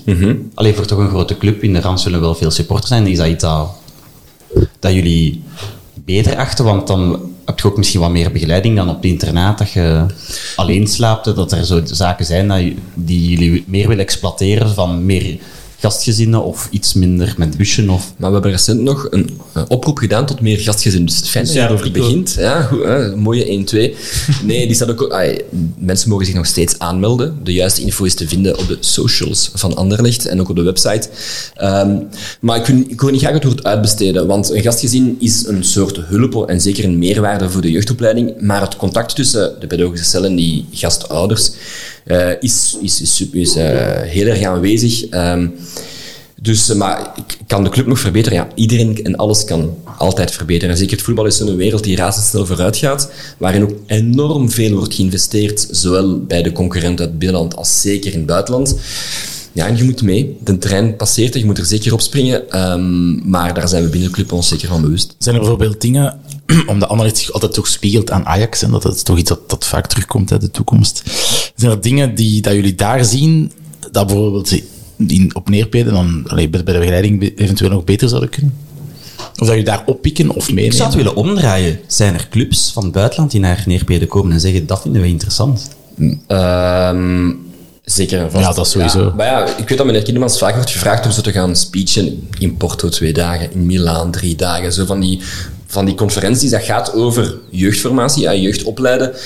En dat, ja, ehm, op het WK 18, hoeveel procent van de kern van de Rode Duivels was toen mede in Neerpeden? Ik denk bijna, bijna 40 procent. Dat heeft zelfs zijn weerklank gehad. Ehm, dus ja, men kijkt met argusogen hoe wij in dit kleine landje en dan in die kleine stad van 1 miljoen mensen zoveel talent voortbrengen. Ehm, laatst was er ook nog, ook dat heeft ook, dat heeft zelfs nog op eh, nieuws, op het nieuws van Sporza geweest, was er zo'n ECA, een European, eh, een of andere federatie van heel veel topclubs, die in het Lottopark zelf, ehm, op uitnodiging van Anderlicht, eh naar een conferentie kwamen met verschillende sprekers, waaronder ook meneer Kindermans. Dus ehm, ja, wel, er wordt zeker afgekeken. Ik hoop dan altijd maar dat we de ultieme bedrijfsgeheimen niet eh, prijsgeven. Want ik ben er niet bij, want ik ben op moment een ruzie aan het oplossen op school of op het internaat of zo. Dus, eh, Ah, wel, maar dus, ook om toch mijn vraag... Ik vro- vroeg me echt af, zijn er dingen van, van Ajax die je, die je kunt... Maar we zouden graag het budget van Ajax hebben. Ja, oké, maar los van... Maar ja, maar daar staat of valt alles Ja, mee. Ja, natuurlijk. Ja, En een extra budget dan wordt dan in extra begeleiders gestoken. Ja, of in extra materiaal. Of, eh, ja, misschien zijn er, zijn er alternatieve manieren. Mag ik utopisch of, eh, zijn? Ja, natuurlijk. Dat mag een zeker. eigen RCA-internaat. Punt. Oké. Maar begint er maar aan om in België zoiets te bouwen. En met dan fulltime mensen die daar slapen en onderhoud en al de kosten daarbij komen kijken. En liefst ook een sportzaal erbij. En begint er maar aan. We werken nu samen met het in, op Nederlandstalig vlak met het internaat van COVI, van het gemeenschapsonderwijs. En daar is een internaat, die hebben 40 plaatsen. 30 van die 40 plaatsen worden ingenomen door spelers van Anderlecht, van de jeugdopleiding. En dan nog 10 andere jongens en meisjes die dan in de buurt gaan naar, eh, die naar sch- school gaan in de buurt. Ehm, dus je kan dromen, maar goed, moet, dromen zijn goed om even bij over na te denken, maar daarna moet je naar de realiteit overgaan. En dat is dat. Anders is nog niet Ajax. Dus ik noteer ook, eh, Pico en Vicky kunnen nog steeds een jeugdspeler eh, in huis nemen. Zeker en vast. Er zijn enkele kleine voorwaarden, maar er zijn ook heel wat voordelen. Dus ehm, ik zal u straks de contactgegevens doorgeven. Dat is perfect voor mij, maar bijvoorbeeld Reinoud, weet ik ook wel, heeft nog twee kamers vrij. En In Jette, dat doen ze Jette, blijkbaar, dicht bij, dicht bij huis. Allee, dicht bij andere Ja, dat lijkt me ideaal. Eigenlijk. Jij als, als bildungman, Ja, ik denk dat je echt wel dat Ik denk, let- ik denk letterlijk, als Jean Kindermans de podcast dus een keer afgaat, en dan ziet Reinhard van der Hulst, zo een van die jeugdspelers, dat hij echt zegt van, dat, gaan, dat gaan we niet doen. dat gaan we niet doen. Ja, ik denk dat zo. Ja. Dat gaan we, dat willen we niet ook, nee. nee. Die, dat die kleine die gaat met veel meer ballast in zijn kop zitten dan als ze hem niet Je naar... gaat ook wel rare idealen bijpraten misschien. Reinoud die dan zo verhaaltjes voorleest, maar dan zo de geschiedenis van Anderlecht, zo. Ja. 1957. Of gewoon vo- dat volledig doctoraat. Ja, dat ook. Ja. Dat is te, dan, dan ik wel in slaap, denk ik. Die gekke eh, Congolese muziek en zo. Ja. Bo, maar gaan we het nog eens hebben over de match eigenlijk? Ja, ah, wel, ik wou het juist zeggen. Eh, misschien is het tijd dat we een keer de match gaan. Ja, ik zal voorlopig niet te veel zeggen. Ik zal u laten beginnen, Jan. Ja, wat vond je van de wedstrijd? Ehm, Voor alle duidelijkheid van de A-ploeg. Ja, ehm, wat vond ik van de wedstrijd? Ik ging met weinig zelfvertrouwen naar de wedstrijd. En ik was wel heel blij met de drive te zien die in de ploeg aanwezig was. Van in het begin. En Brugge was in het begin wel beter, maar ik vond wel dat je direct voelde van dit wordt geen wedstrijd zoals op Union en zoals op de Nijzel. En ja, we hadden moeten winnen, hè. Punt. Ja. Dat balken van een Als dat Ja, binnen was, Dat is heel pijnlijk, ja. hoe hadden de kranten er dan uitgezien? Ja, voor hetzelfde geld staat natuurlijk ook wel 0-1 is dan de wedstrijd na drie minuten. Ook waar, maar het was niet zo. Maar, ah, wel, maar dat, is iets, dat is iets, dat is weer zo die hele, Twee zelfs misschien. die hele vreemde, dat hele vreemde verschil tussen naar het stadion gaan en dan thuiskomen en die beelden zien. Want in dat stadion, we, we wisten niks van de penalty. Allee, ik keek daarna de beelden en het was duidelijk een penalty op eh, de ketelaar. Ik wil, daar- ik wil dat niet ontkennen. Maar in dat stadion, dat gaat voorbij. Ik had dat En- wel gezien. Ja, ik heb daar zo dus geen vijf seconden of zo. Er was even zo wow, wat. Maar we zitten daar veel te ver af. Dat was in een andere, in de andere baklijn. Dus Ja, zo zie je maar. ja, dat was dan zo de kop van Brugge bestolen eigenlijk. Terwijl, ja, oké, dat blijft ook maar, maar één penalty. Hè. Het is niet dat Brugge zo Ja. beter was die eerste... Het was wel weer onze goede vriend die er voor iets tussen zat. Ik heb daar trouwens nog een paar eh, interessante zaken over onze goede vriend. Ja, dat is zeker een van die personen op het veld die niet een even grote carrière als Arnstad nog zullen maken, denk ik. Daar ben ik vrij, vrij Ja, zeker daar, daar, van. daar kunnen we wel opschrijven, denk ik. Daar zijn we wel zeker van. Maar goed, ehm, ja, als je dan toch al die penaltyfout hebt aangehaald, ja, de ref, er was zo wat om te doen. Hè. Er is zo om te doen dat hij het toch wel niet echt in de hand had. Ik vond dat, ik vond dat ook niet... Allee, normaal gezien irriteer ik mij heel hard aan de scheidsrechters. Ehm, ik had dat nu niet echt. Ik had dat heel hard. Ik, ik had dat ook heel hard. die- Bijvoorbeeld bij Buchanan ook. Daarna trappen op Murillo. Ja, maar dat zijn dingen dat ik echt al pas zie als ik thuis kom. Eén dan natrappen, dat was kei duidelijk. Eh, wat- Naar waar kijkt jij dan? Ja, ik ben dan aan het kijken naar goed, hè. Want ik moet die, ik moet die nog Ja, afkrijgen. dus- nee, dat was heel goed. Dat moet ik nu even zeggen. Ehm, ja, nee, die penalty, dan bij wijze van spreken die een duw... Oké, het was heel licht, maar Amuzu wordt ook in de rug geduwd. Ehm dan natrappen. Ja. Ook heel vaak... ehm, er is een fout op een speler, zowel Anderlecht als Brugge, wordt niet gefloten. Die maakt dan, omdat hij uit balans is, een andere fout op een speler. Dat wordt dan wel gefloten. Heel vreemd. En een bodycheck, hè. Was dat, Ja, was maar zo een bijvoorbeeld bodycheck? Arnstedt was er ook zo'n ding van Arnstedt had geel of donker, allee, qua, allee, donkergeel moeten hebben. Maar die, daarvoor was er wel ook een fout op hem. Snap je? Ja, heel zo, dag gegeven. Dat zo, ja, hij had het niet echt zo. Het was heel zo. Hij, hij maakte zo. Het dat- ging er wat uit. Ja. Zo, zo, Maar wat, vonden ja. die... Allee, vond die niet goed. ik ken maar één ref zijn naam. En dat is omdat ik die zot irritant vind. Dat is die visser. Vonden het is die... allemaal met een V, want het was nu verboden. Dus. Oh, ja, maar vind, was die slecht als die visser? maar ik vond wel niet het probleem met de ref nu was. Is En dat, niet, daarna gaan is dat we. niet onze nationale nummer 1, Visser? Ja, Mag die ja, niet ja, in ja, Europa dat- fluiten? Wat maakt Ja. mij dat... Die heeft zelfs Cherry Ja, die van en, eh, Southampton, die maakt ook kapot, hè. Nee, maar dus, maar dan gaan we stoppen over de scheidsrechter. Hè. Maar, Ja. Ja. nu ben ik wel mijn draad kwijt. Maar nee, het hele ding was... Sorry, Pico. Een draad, ja, die. Ehm, nee, het hele ding was van dat je... Het ritme werd eruit gehaald altijd. En het was precies van, hij moest wat de speel zijn. De wedstrijd mag niet rond de ref draaien, het moet rond het spel draaien. En dat had ik wat gevoel. Maar qua gewoon voetballend dan, had ik wel het gevoel van, één, het is veel beter dan tegen... Ja, dat is ook En- natuurlijk niet zo Ja. moeilijk, hè. Nee, dat is waar, maar je gaat wel zo... Je liet je niet over bluffen. En je moet wel zeggen, Brugge heeft 21 op 21 daarvoor gehaald. Hey, Dat is- ook niet niks om te doen. En je merkte wel, je merkte wel zo kwalitatief, waar, moet je eerlijk zijn, waren we iets minder voetballend misschien. En je merkte van, wij moeten veel meer zoeken om er iets te kunnen uithalen. Maar Brugge heeft ons weer niet weggespeeld. Heeft het zeker in de tweede helft, buiten die kans van Matta, hebben die weinig gedaan hebben we eigenlijk... allee, Oké, we, we, we hebben niet de kwaliteiten om het af te maken, om, te, om de goal te maken, maar ik vond wel dat wij zeker onze voet er terug naast kunnen zetten. En dat is al de zoveelste keer. En met een, een, een Brugge kun je dat wel... eh, daar kun je dat tegen doen. En met zo'n Union heb je een mismatch. Ik, dat ik, is- ik zal misschien gewoon wat dingen insmijten, hè. Ja, maar Eh, ik heb nog op... Oké, Doe maar, doe hè. maar. God, Nee. nee. nee, jij gaat eerst. Maar ik heb gewoon twee punten dat ik wou gezegd hebben, omdat ze anders zeggen dat ik weer, Mhm. dat ik weer totaal aan het ben. Ik wou eerst en vooral zeggen, goeie hoed. Ik vond hem een degelijke partij spelen. Dat is de eerste keer dat het mij opviel dat, ik- dat ik een goede hoed zag. Ja. Eh, en ik zag dan op de sociale media, Een goede lange bal vooral, waren veel goede lange ballen. 89% Ja. eh, passingspercentage. Ik heb dat eens opgezocht. Wat is dat, wat is dat normaal? Hè? Want ze zetten dat speciaal op sociale media, precies omdat dat indrukwekkend is.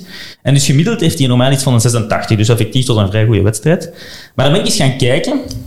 Ehm, trouwens, de site is eh FotMob. Ik geef het maar mee. Ik geef het maar mee. Ben ik eens gaan kijken naar andere centrale verdedigers in België.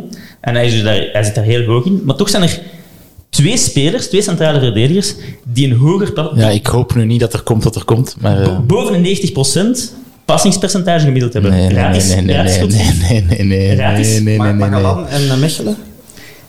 Lukumi en eh Magalan, Oh effectief. my god. Ja, oké, maar dan, die, eigenlijk moet je dan kijken naar eh, verdere eh, Ja, oké, parameters, zoals ja, welke ja. ballen worden naar voren gespeeld en welke niet. Oké, Voilà, Pico, maar dan, maar dan, nee, nee, dan komen we direct, want dat is makkelijk te kwantificeren. Passen die aankomen of passen die niet aankomen is makkelijk te kwantificeren. Maar wat is voor u een lange bal? Dat is al veel moeilijker te kwantificeren. Is een lange bal over de grond naar je spits? Nee, maar dat is ook een pas, snap je? Je hebt wel voorwaartse passes, dat, kun, dat, is ook, dat zijn ook filters. Ja, dat kun je ook filteren, inderdaad. Voilà, maar is dat is dan- voorwaarts een pas dat je moet doen? Allee, ik wil zeggen, je kunt ook voorwaarts een alibi-pas... Ik, ik zou liever hem naar voren zien dan naar achter. Ja, ja, dat tuurlijk. Maar je kunt ook voorwaarts een alibi-pas geven. Zeker bij. Zoals Olsen bijvoorbeeld. Ah, be- e- effectief, maar ik wil dus maar zeggen, dat datascouten, dat is iets heel complex. Hè. Je moet echt bijna zelf je data gaan creëren. Hè. Maar nogmaals, wat ik ook al zei, dus met data kun je alles bewijzen. Nee, dat is niet waar. Allee, Ja, dat is, ik, dat zeg, ik zeg het u al wel. dat statistiek waar. kun je alles bewijzen. Als je maar de goede parameters ingeeft. Ah, wel, maar het is gewoon, je moet heel, heel, heel... Ik kan maar gewoon zeggen, als je puur gaat datascouten, zou de Magalan naar Ah. Anderlecht halen. Ja, dus dan is het misschien de reden dat hem daar dan zit. Ah, wel, ja. Dat En kan dus- me niks anders inbeelden is- waarom. Het is heel moeilijk. Dus ik kan maar zeggen, dat hele verhaal hoort heel veel supporters zeggen van eh, ze moeten gewoon goede transfers gaan doen, betere datascouting doen en eh, allemaal Gomez's gaan halen. Ik wil gewoon, het is eigenlijk een, bijna een bloemetje dat ik smijt naar Peter Rebeke. Het is niet zo simpel. Nee. Het is echt wel een complex gegeven. Ja, transfers zijn altijd moeilijk. Hè. Je hebt er, als je er vijf haalt, mocht je blij Maar misschien zijn heeft, hem, twee of misschien heeft hem gescout op de data eh, spelers die hun truitje in hun broek streken. is hem zo daar dan beland. Ik vond het gewoon een opmerkelijke statistiek. Maar ik er vond wel. Anderlecht qua intensiteit heel goed. En dan Ja. Arnstedt was daar, denk ik, het voorbeeld van. Ja, van goed begonnen, bitsiger, eh, vond ik ook wel. Ja, ook eh, ja, Zirkzee bijvoorbeeld, die is echt die goed hè? eind- eindelijk is in duel ging en, en, en met zijn schouder erin. Maar ja, wat hij meestal trekt hij zijn schouderke terug en nu was zijn schouderke naar voren. Ja. En dan Arnstedt, ja zeker. Allee, dat was de bestempeling. Hè. Ja, maar eventjes, eventjes eh, weg even ook wel, vond ik. Ja, oké, maar dat is Maar dat is misschien logisch, dat is logisch. onlogisch als je Ja. dat dan vergelijkt met een Amuzu die dan sprintduel zit te Ja. verliezen, die hij normaal moet winnen. Allee, dat is toch de grote kwaliteit van Amuzu, de snelheid. Als je die dan verliest... tegen Ja, dat viel Matta- mij ook op. Allee, Dus- Matta is niet traag. Nee, maar dat viel me ook op waar, na, maar- na denk ik, was het 5, 26 minuten inderdaad, dat die, dat die sprint ineens tegen Matta, dat die, dat die gewoon niet meer mee kon. Nee, want ja, allee, Matta is niet traag, maar toch van een Amuzu wordt dan een van de... Een van de Misschien dat er de- eh, ja, bepaalde vermoeidheidssyndroom optreden, toch? Nee, dat kan niet. Misschien zagen we gewoon iets mentaal zo... Of misschien een momentopname. Of een momentopname, dat kan ook, ja. Hm. Nog iets dat mij opviel was uh, Gomez Kovolsen. Ja, die Kovolsen is wel goed. Dat moet ik wel echt durven zeggen. Ja, ik, jij deelde al in onze WhatsApp. Ja, ik vind en ik dat was, echt- ik was van, die speelt een verdienstelijke wedstrijd. Maar- Oké, tel mij hoeveel voorzetten Gomez er heeft uitgehaald van Kovolsen. Ja, maar nee, bijna geen. Maar hoe, hoe waren die voorzetten dan? Links, rechts, tak, tak. Ja, ik moet wel Ik heb zeggen weinig kansen gezien van Brugge. Dus dan zijn die voorzetten ook niet Dan van... het voor de kwaliteit van de voorzitter, maar het gaat mij over het, het moment dat hem er normaal gezien Gomez wel altijd zijn rechtstreeks een tegenstander wel kan min of meer opvangen. Ja, en nu, nu, ja, niet. Nee, Niet, vond ik, ik. ik, ik snap dat. Terwijl lang aan de andere kant, ja, die was geen fluit waard. Terwijl Morillo Oké, echt buiten die trap op was. van Krombrugge, ja, dat was wel, ja. Ik vond Morillo eigenlijk nog erger als tegen eh, Union. Nee. Nee, dat, dat, dat, is- dat was echt wel de ondergrens. Maar ik moet zeggen, die Skof Olsen, Ja, goeie, ik vind die goeie goed, hè. speler, Ja, ik vind het erg om te zeggen, maar ik vind hem goed. maar ik werd er... Allee, ik heb, toen ik de wedstrijd in het stadion zag, ik werd er ook niet super warm, want hij was de betere speler bij, bij Brugge. Hè. Bij Brugge was hij allee, toch wel de man waar het allemaal naartoe ging. Als ik daarna de wedstrijd herkeek, dan was ik wel van... Dan kon ik begrijpen dat iedereen zei van een heel goede wedstrijd. Ik heb dat ook volledig anders beleefd. Allee, hij was niet slecht hè, in het stadion, maar ik was zo van... Ik had meer verwacht. Van wie? Misschien van Van Skof Olsen. Ja? Van, van, Goh, ik vind wel echt goed. Die was niet slecht, maar, ik ben mee met Pico. Ik ben mee met Pico. Maar zoals ik zeg, van, ik, kan daar ook nog, ik kijk ook niet superveel naar Brugge om daar een supergoed oordeel over te geven. Dus, maar, dus ik heb het ook gewoon veel liever over onze ploeg. Maar, ik, ik zag ook vooral Metier, maar niet echt een soort van ja, ik, ik werd daar niet echt zo warm van. Ik zag gewoon zo dat is een degelijke flankspeler die zijn mannetje inderdaad wel niet helemaal voorbij moet om een goede voorzet af te geven. Eh, wat aan mij wel opviel, is dat eh Gomez twee keer de bal gewoon buiten past.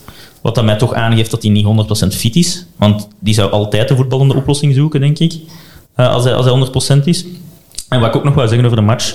ik vond het een sterke tactische compagnie. Ik ga dat even toelichten. Eigenlijk heeft hij gewoon gedaan wat Pieter er zei, wel met een andere opstelling. Maar defensief zag je heel hard dat eh Amuzu echt in die 4 4-4-2 mee, allee, dus dat ze echt eh, met twee lijnen eigenlijk gingen spelen.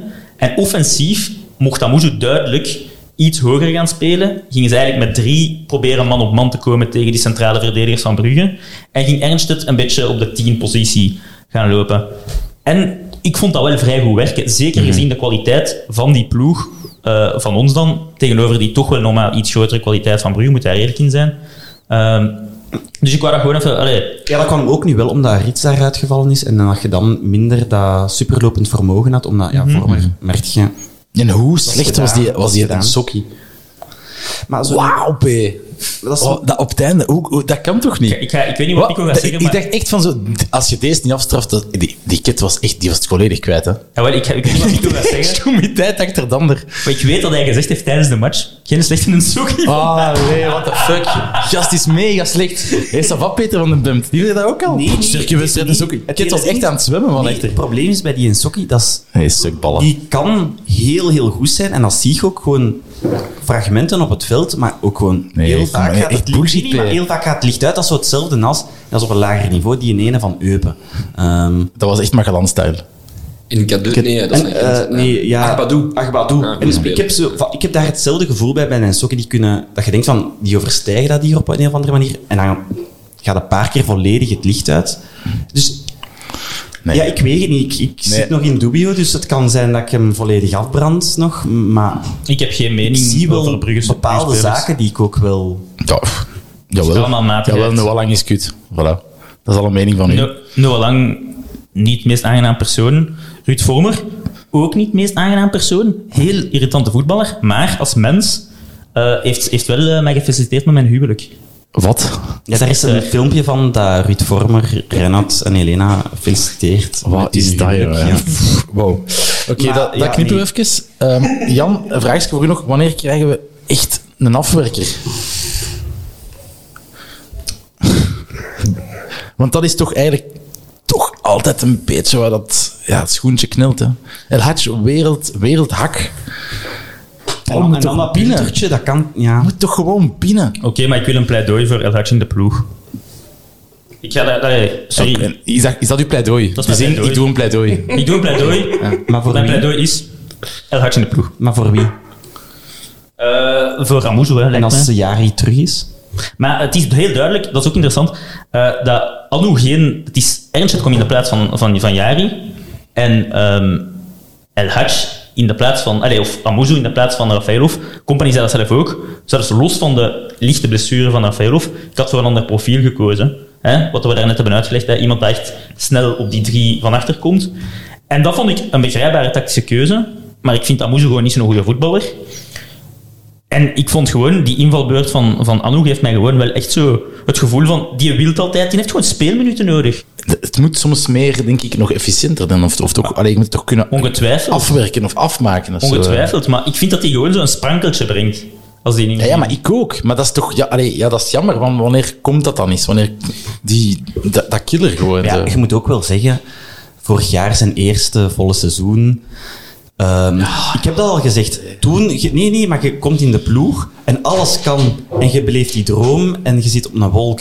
En dan kom je in de zomer en dan is het van, ah, maar hij heeft een goed seizoen gespeeld en hij stond in de basis of heeft, heeft veel gescoord. Nu moet je dat even goed doen of beter doen. Maar dat is een supergrote druk. Plus, je bent dan 19, je hebt minder begeleiding waarschijnlijk of andere begeleiding, je moet het meer zelf doen. ja, dat, nee, nee, ja, en dan, maar ja, je, zei, allee, je verdient heel veel geld. Ehm, ik denk niet dat dat gemakkelijk is, ook om die allee, mentale barrière te doorbreken. En allee, je moet al uit heel goed hout gesneden zijn. En, Mhm. Ja, allee, dat kan allemaal wel zijn, maar die ene al- bal moet er wel gewoon in. Ja, Ja, en dat is ook sorry. een soort van... Geld, geen geld, begeleiding, geen... Allee, die bal moet er gewoon in. Nee, dat is waar, maar... ik denk wel met een beetje meer mentale sterkte. Maar ik dat, vind hij die anders, dat hij die anders gaat leggen. En dat hij nu net iets te veel nadenkt en niet... eh, Zo, een An- Anouar die speelt op zijn instinct. En wat zie je? Hij wil... Hij, hij, be- hij denkt even een fractie na en hij wil hem zo tussen de benen punten of zo. En hij moet gewoon Afwerken. afwerken. En dat was net zoals met Zirkzee tegen Union. Die krijgt hij een bal op een meter, allee, op, op, die, op 30 centimeter van de goal, en die begint na te denken en die moet gewoon trappen. Maar ik vind dat hem zijn instinct net terug aan het vinden is. Ja, maar dat zag je met dat hakske, maar dan kwam, kwam hij in de box en was het even zo die... En dat is... Ja, Maar het, het was niet perfect, maar ik vraag maar één ding aan u, Pico. Ondersteunt je, eh, ondersteunt je mijn pleidooi? Eh, Moe in de ploeg. ah, wel, maar ja, dat was ik nu aan het bedenken van, kijk, Arnschet eruit, dat gaat niet Nee, nee, gebeuren. tuurlijk Allee, niet. Tuurlijk dat lijkt me moeilijk. Zeker omdat je speelt tegen een Antwerp, waar je dat denk ik wel meer kunt gebruiken. Dat is anders dan tegen een Union. We hebben trouwens Union zijn een titel gered. hè. Maar dus Canna in de ploeg met Ernst, dat is toch niet zo radicaal? Ik heb hier vorige week zitten zeggen dat ze Canna van achter moesten zetten met, eh, Sadiki. met Sadiki. De Jan heeft mij hier een half uur voor de uit, uit- uitzending zitten uitlachen. Dus Ik heb gezegd, ik moest goed lachen met die opstelling. met Bushken op de linksback. Nee, nee, nee. Mag ik nog iets zeggen over Ja, Anderlecht? natuurlijk. jij, jij mocht alles ehm, het is mooi om te zien dat er verschillende profielen supporters hier aan tafel zitten. Supporters moeten geduld hebben voor de jonge gasten. Wat jij vraagt van Anwar is eigenlijk dat hij nu op zijn 19 of op zijn 20ste bijna af is, een afgewerkt product als voetballer is. Nee, dat is niet waar. Jawel, jawel. Ai, ik vind van wel. Oké, jij mocht vinden van wel. Ik vind dat ook, Jan. zeg het hem eens goed. En Anwar zal alleen maar beter worden, maar dat geldt voor alle jonge gasten, door speelminuten. Maar helaas, daardoor gaan, gaat hij ook nog steeds hij gaat fouten maken. En Anderlecht moet dan maar een kader voorzien dat de negen anderen of de acht anderen sterk genoeg zijn om die fouten op te vangen. Dan is het maar aan Rafa of Cirkzee of Kouamé om wel te scoren, of Raman om wel te scoren. En dan Natuurlijk moeilijk als Kwame gat dichtloopt, natuurlijk. kunnen we, en dan kan, eh, kunnen we Anwar misschien ehm, eh, vergeven dat hij af en toe een kans mist. Maar- hij, hij is nog niet super. Nee, maar hij even gaat voor- voor alle- super- Hij gaat niet beter worden door Niet te spelen. Door niet te spelen. Nee. Maar even voor één duidelijk... ding om af te maken. Ja. Wat jij hem nu verwijt, is hetzelfde als dat we aan Jeremy Doku in het begin verweten. Dat zijn... dat ja, hij- tuurlijk. Ah ja, oké. Ja. En hij is blijven staan en op het einde maar 30 miljoen voor gekregen. Ja. ja, dat is waar. Maar dat heeft in de mensen het potentieel erin zien, omdat hij dan naar die club kan gaan, omdat je moest... En omdat hij op dat moment door die, in die drie maanden, augustus en september en een beetje juli, de beste speler van Anderlecht was. Ja, Eerste match op de Mechelen, hij scoort twee keer. Ik moet zeggen, Ja, tuurlijk. het doet mij nog altijd heel veel pijn dat we Doku nu niet zien. Maar ik zeg het, ik, voor alle duidelijkheid, ehm, ik ben fan van El Hadj. Voordat ik hier de 49 een camion stront zie afkomen. voor alle duidelijkheid, daar gaat het mij niet om. Maar het is gewoon... Op dat moment, ik denk niet dat je het super ver moet gaan zoeken. Allee, zo van, ah, Berlijn en Poen en dit en zo niet gespeeld. Ik denk wel dat je kunt zeggen dat zo'n bal, voor iemand van zijn niveau, los van op even welke factor, er gewoon in moet. Maar dat gaat niemand ontkennen. Maar Anwar Dat is toch wel- momenteel dat mogen we niet toch zeggen? in- Ja, zeggen. Maar niemand heeft gezegd... Ik, heb, ik ben begonnen met te zeggen dat hij een bal, als hij een bal binnen was, dat hij ja. gewonnen. Dat is Dat, hoger dat was duidelijk zo, het was, nee, maar het was duidelijk zo'n wedstrijd, wie de eerste die scoort wint. Ja, Ja. dat was het wel. Ja, zo'n wedstrijd was het wel. En het is wat Pico zei, we, we hebben onze voet ernaast gezet. Ik denk dat dat hetgeen is wat we moeten meenemen, vooral naar de volgende wedstrijd. Ja, en godzijdank van Krombrugge. Want anders was het een ander verhaal. Als zo... was. Ja, toen, ah, wel, ja, één, één grote kans in de eerste helft en dan... Ja, maar ja, het is een wereldsafe. hè. Ja, ja, maar tuurlijk. Hè? Maar ik wil... Ik vond zo heel dat ding van... Brugge bestolen... Ja, sorry, creëert meer, hè. Losers. Allee... Toch?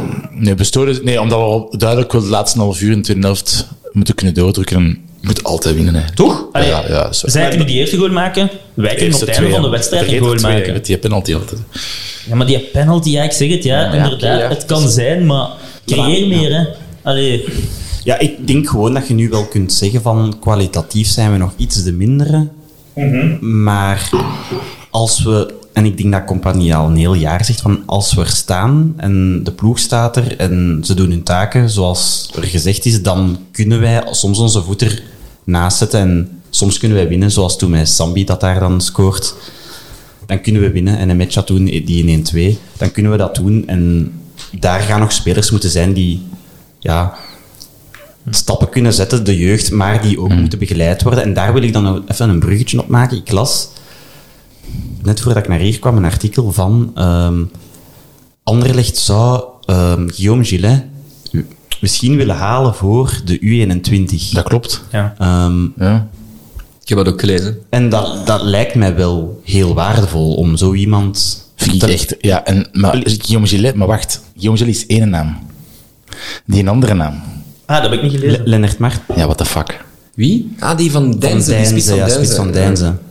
Nee, maar ik denk dat dat... Dat is toch vreemd? Nee, maar ik denk dat dat heel waardevol is, omdat hij dan... Die ge- Maar, in- oké, Guillaume Gillet, dat kan ik begrijpen. Hè. Legend, toestanden, hè, zoveel wedstrijden bij dat ploeg. Maar Lennart Martens van Deinze. Nee, maar misschien weten ze daar... Daarop te wachten. Nee, maar ja, misschien niet puur kwalitatief, maar misschien wel... Ja, dat is echt een super, super charismatisch persoon.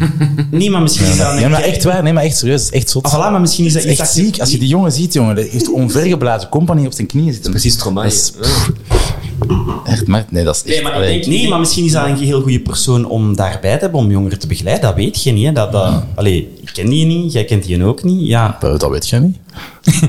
Nee, maar ik wil daar even op... Dat is waar, Pico. Hè, ik denk inderdaad, hè, dat 1B-verhaal moet dan niet onderschatten. Nee, maar ik denk dat bijvoorbeeld een Jan daar toch kan aanmoedigen, omdat... Allee, Ja, wat vind jij daar- als- inderdaad, ja, wat Als ze jij daarvan? 18 zijn, dan is het toch gedaan met begeleiding. Dan is het van... Allee, je hebt wel de begeleiding van wat eh, T2's, T3's, maar het meeste valt toch weg? Ja, als ik puur naar onze rol kijk, naar de pedagogische cel, dat gaat in de eerste instantie over de schoolgaande jeugd. Dus als je naar de school gaat en daardoor binnen het Purple Talent Project zit, zijn wij er voor jou. Dat wil niet zeggen, dat je afstudeert en nog bij de U21 zit, dan zijn er nog steeds voldoende mensen rondom u die, om u, zich om jou bekommeren. Maar waar het hier over gaat, denk ik bij Guillaume Gillet, eh, en voor alle duidelijkheid, ik heb totaal, totaal geen inside informatie, is dat die man er, denk ik, voor moet zorgen eh, dat de evolutie van de jongens op het veld in 1B sneller moet gaan. Ik denk, stel dat die jongens er niet zouden zijn, die plus, we zullen maar plus 28-jarigen noemen, dan zal de ploeg gedragen worden door Theo Leoni, eh Bouchouari, Bart Verbrugge. Ik zeg maar namen nu, hè, gewoon de, van uit de U23. Ik heb totaal geen idee van de squad of zo. Ehm, wie vergeet ik misschien? Loïc Machot of zo. Ehm, ja, dat zijn ook allemaal jongens zonder profervaring. Die moeten dan straks tegen die beesten van RWDM, van Deinze, wat, loopt er daar allemaal rond? Virton, Tubies, moest ik zeg maar wat namen, ik ken één been niet uit mijn hoofd. Was Ehm, van ja. Lommel. ja, ja, de Siebe Blondelles van deze wereld. Ehm, daar moet ik gewoon altijd aan denken als ik denk aan Tegen. Ehm ja. en Club Next heeft laten zien... Ik zal dan eens zeggen, ik denk dat de vier 1, eh 1B-ploegen van... Nee, de vier U23-ploegen, dat die de laatste vier posities van het klassement gaan innemen. Want dat was nu wel zo bij Club Next. Die waren Ja. heel zwak begonnen en die hadden ook Kilian Overmeijer, denk ik, tekenen. Ja, ik weet niet, ja. Allee, En je zag ook van... Op het einde kwamen die er wel door. Ja, maar, maar ze hebben kansen gekregen, een beetje zoals we met Anwar misschien moeten doen, om terug te gaan naar daar juist. Maar natuurlijk, leren is, is met vallen en opstaan. Ja, en als je een goede groepsgeest hebt en de doelen van dat jaar zijn op voorhand goed afgebakend en je begint niet in crisis te komen omdat je met 0 op, acht- op 0 op 18 zit na zes wedstrijden, het is om te leren. Het, 1B maakt deel uit van de jeugdopleiding van Anderlecht eigenlijk. Die U23-ploeg is, is de laatste jeugdploeg van Anderlecht. Dus dat is nog steeds om te leren. Daar, zijn geen, daar is geen netto winst te behalen buiten de ontwikkeling van de jonge gasten. En dan kun je... ai, dit jaar hebben ze om Verschaar en El Hadj ontlasten zijn ze Rafaelov gaan halen. Hè, dan niet alle aanvallende druk op de schouders van onze twee 18-jarigen komt Oké, zoals maar da- da- jaar. en zoiets, denk ik, dat kan ook van pas komen in 1B of bij de ploeg. Daar kan ik nog ergens in 23 ploeg. meekomen. Ik zie een Verscharen wel nog raad aannemen van de Refailov. Ja. Maar een Theo Leoni van Lennart Mertens van Deinze... Nee, maar ik wil het anders Allee, bekijken, sorry. denk ik. Het is meer inderdaad om een soort van... Ik, ken die. Ja, maar ik, ken hem, ik ken hem echt. Je lacht, maar ik, ik, ik heb echt al matchen gezien. Nee, nee, ik ken hem niet persoonlijk, maar ik, heb echt al matchen gezien van, van die P. Ja, Ja, bon. Mijn, mijn vraag is eerder niet zozeer wie komt er. Hè? Guillaume Gillet, dat lijkt mij... Dat kan ik volledig... Ik, ik vind dat zelfs... Ik ben, was niet zo'n grote fan van Guillaume Gillet, maar als hem die doet, vind ik dat zelfs voor hem spreken. Ik vind dat zo dat hij dat zou doen. Ik zou, ik zou dat geweldig vinden. Ik vind dat raar. Eh, Bon. maar eh, mijn vraag is nu wel aan het bestuur hè, en aan de sportjurecel, want toch Garme brengen hier Jan altijd in een lastig parket. Ehm, dat ze wel eens een, een antwoord geven op de vraag ehm, hoeveel wordt er geïnvesteerd in die MB-ploeg? Want hoeveel van die spelers moeten we eigenlijk verwachten volgend seizoen? Dat is een interessantere vraag dan Ja, maar wie komt gaat, er dat gaat allemaal van de regels ook afhangen, want dat kan zijn, Stroeikjes gaat doorgeschoven worden. Colassin. Ja, was dat de vraag? Ja, ja, maar nee, maar ja, ik weet niet of Jan dat Speelde- weet. Nee, maar dat is een sportieve traject. hè, Maar nee, Speelde maar, gisteren, hè, Colosseum? ja, ja, speelde gisteren, maar er gaan regels zijn van al zoveel wedstrijden in 1A, dan mocht je niet meer... eh, is dat per seizoen, is dat op je carrière? dan heb je enkel maar een Colassijn. Dan kan ik nog snappen dat je misschien iets anders haalt als je misschien iemand hebt bij de U18. Dat kan ook. hè. Dat je zegt van, we gaan iemand van de U18, daar haalt hij in die kern droppen. Maar die speelde eigenlijk niet veel. En dan moet hij nog bij de U18 spelen. Misschien... Allee, daar zal ook wel over nagedacht zijn. ja, ja. Van, Maar ik denk dat inderdaad op dit moment, want wat ik las over de regels van de 1A-spelers, dus van de spelers met profervaring, waren de regels heel streng op dit moment. Maar wat ik een beetje raar vind. Super raar. Want dat is heel het idee eigenlijk ondermijnen. Het hele ding is, vind ik ook van, je moet ook eerlijk zijn, heel veel U21'ers of U23'ers dan, die zitten al bij de Aker bij Anderlecht. Je hebt al een doorselectie gemaakt. Hè. Je zit nu met, allee, dat is oneerbiedig, met een soort van tweede garnituur. Allee, een Theo Leoni die misschien nu wel die stap gaat kunnen zetten door 1B te doen, waar je vroeger zei van, heel mooi talent, maar hopelijk wordt het een de donkere verhaal. Dat is dan zo het altijd verhaal. En dat was ook een groot talent, want die zat ook in dat purple latere talent. Ja, op leeftijd. latere leeftijd misschien die stap kan zetten. Ik ben fan. Ja, ja, voilà. Maar dat, is zo, dat zijn niet eh, degenen die op hun 17 of 16 al worden doorgeschoven. En misschien heb je daar nu ook voor alle uit. Eh, Maar dat is de bedoeling van dat, van dat 1B-project. Maar inderdaad, we gaan het moeten zien hoe een dat... Sardella die misschien... Allee, die gaat nu niet... Die gaat Akeren waarschijnlijk blijven, maar dat zou niet slecht zijn om... dat hij speelt als die bij de A- als die bij de A-ploeg niet speelt, dat hij toch minuten kan maken eh, bij die 1B-ploeg. Dus inderdaad, we gaan het moeten zien hoe dat afgerond wordt, dat hele dossier. Ik denk dat er nog veel, veel onderhandelingen over lopen. Allee, Dat hoop ik toch, want wat ik las, zag het er echt niet goed uit. Het was echt wel... Als je 15 matchen eh, gespeeld had of zo, mocht al niet meer bij, bij 1B. Ik heb het ook gelezen. En dat, Ja. is, allee, dat lijkt mij wel... Dan valt er echt al veel volk af, heel snel. Ehm, na 15 matchen een keer ingevallen te hebben bij de A-ploeg, zijn die niet nog noodzakelijk al klaar om daar basisspeler te worden. Dat is ook niet nodig. Maar laat die jongens dan nog op zijn, op zijn minst voetballen in 1B, zou ik zeggen. Ja, ik denk misschien dat die naam, dat artikel waar je uit citeert had, zoals titel geen Kana, geen Elac, geen Sardella, zoiets. Ja. Nu, ik denk dat dat eigenlijk is voor de leeftijdsgeneraties, ik ga niet spreken over eh, kwaliteitsniveaus of zo, maar de leeftijdsgeneraties daarachter, ik denk dat daar nu in B voor is. Ik denk dat Kana en, en, en Anwar en zo twee jaar geleden in B hadden moeten spelen. Daar is dus kostbare tijd verloren gegaan. Ehm, ja, er was toen ook nog, nog geen sprake van. Hè. Maar ja, oké, maar dus- Dat, die, ja, denk ik wel, ja, tuurlijk. En dan hadden ze nu klaar door geweest. Hm. Maar dus we moeten kijken inderdaad naar die jongens, dat is de generatie 2002. Ah, we moeten nu kijken naar 2004, wie dat, dat dan zijn. En die, ik denk dat het voor die leeftijd dan is. Maar ik herhaal, ik ben Peter Verbeke niet. Hè. Dus ik, eh, ik, ik, ik spreek niet in feiten. Nee. Ik In ga, losse gedachten, gevoed door Resist. Ja, ondertussen is, is. Reiner erin geslaagd om toch al de overige drie eh klutsjes bijeen te kappen en binnen te gieten. Dimi, I'm your man. Dat Ja, ja, ja. Ja. Ehm, ik stel voor dat we even eh, overgaan naar het, eh, naar het volgende. Hè. Ja, ehm Brus, altijd de werkgever denken. Inderdaad, ja, we zitten hier ook eh, op de redactie in een aparte kamer. Niemand kan dat zien wie luistert, maar het is hier bijzonder warm, Jan. Ja, Ja, het is, eh, het is zweten. Het is zweten.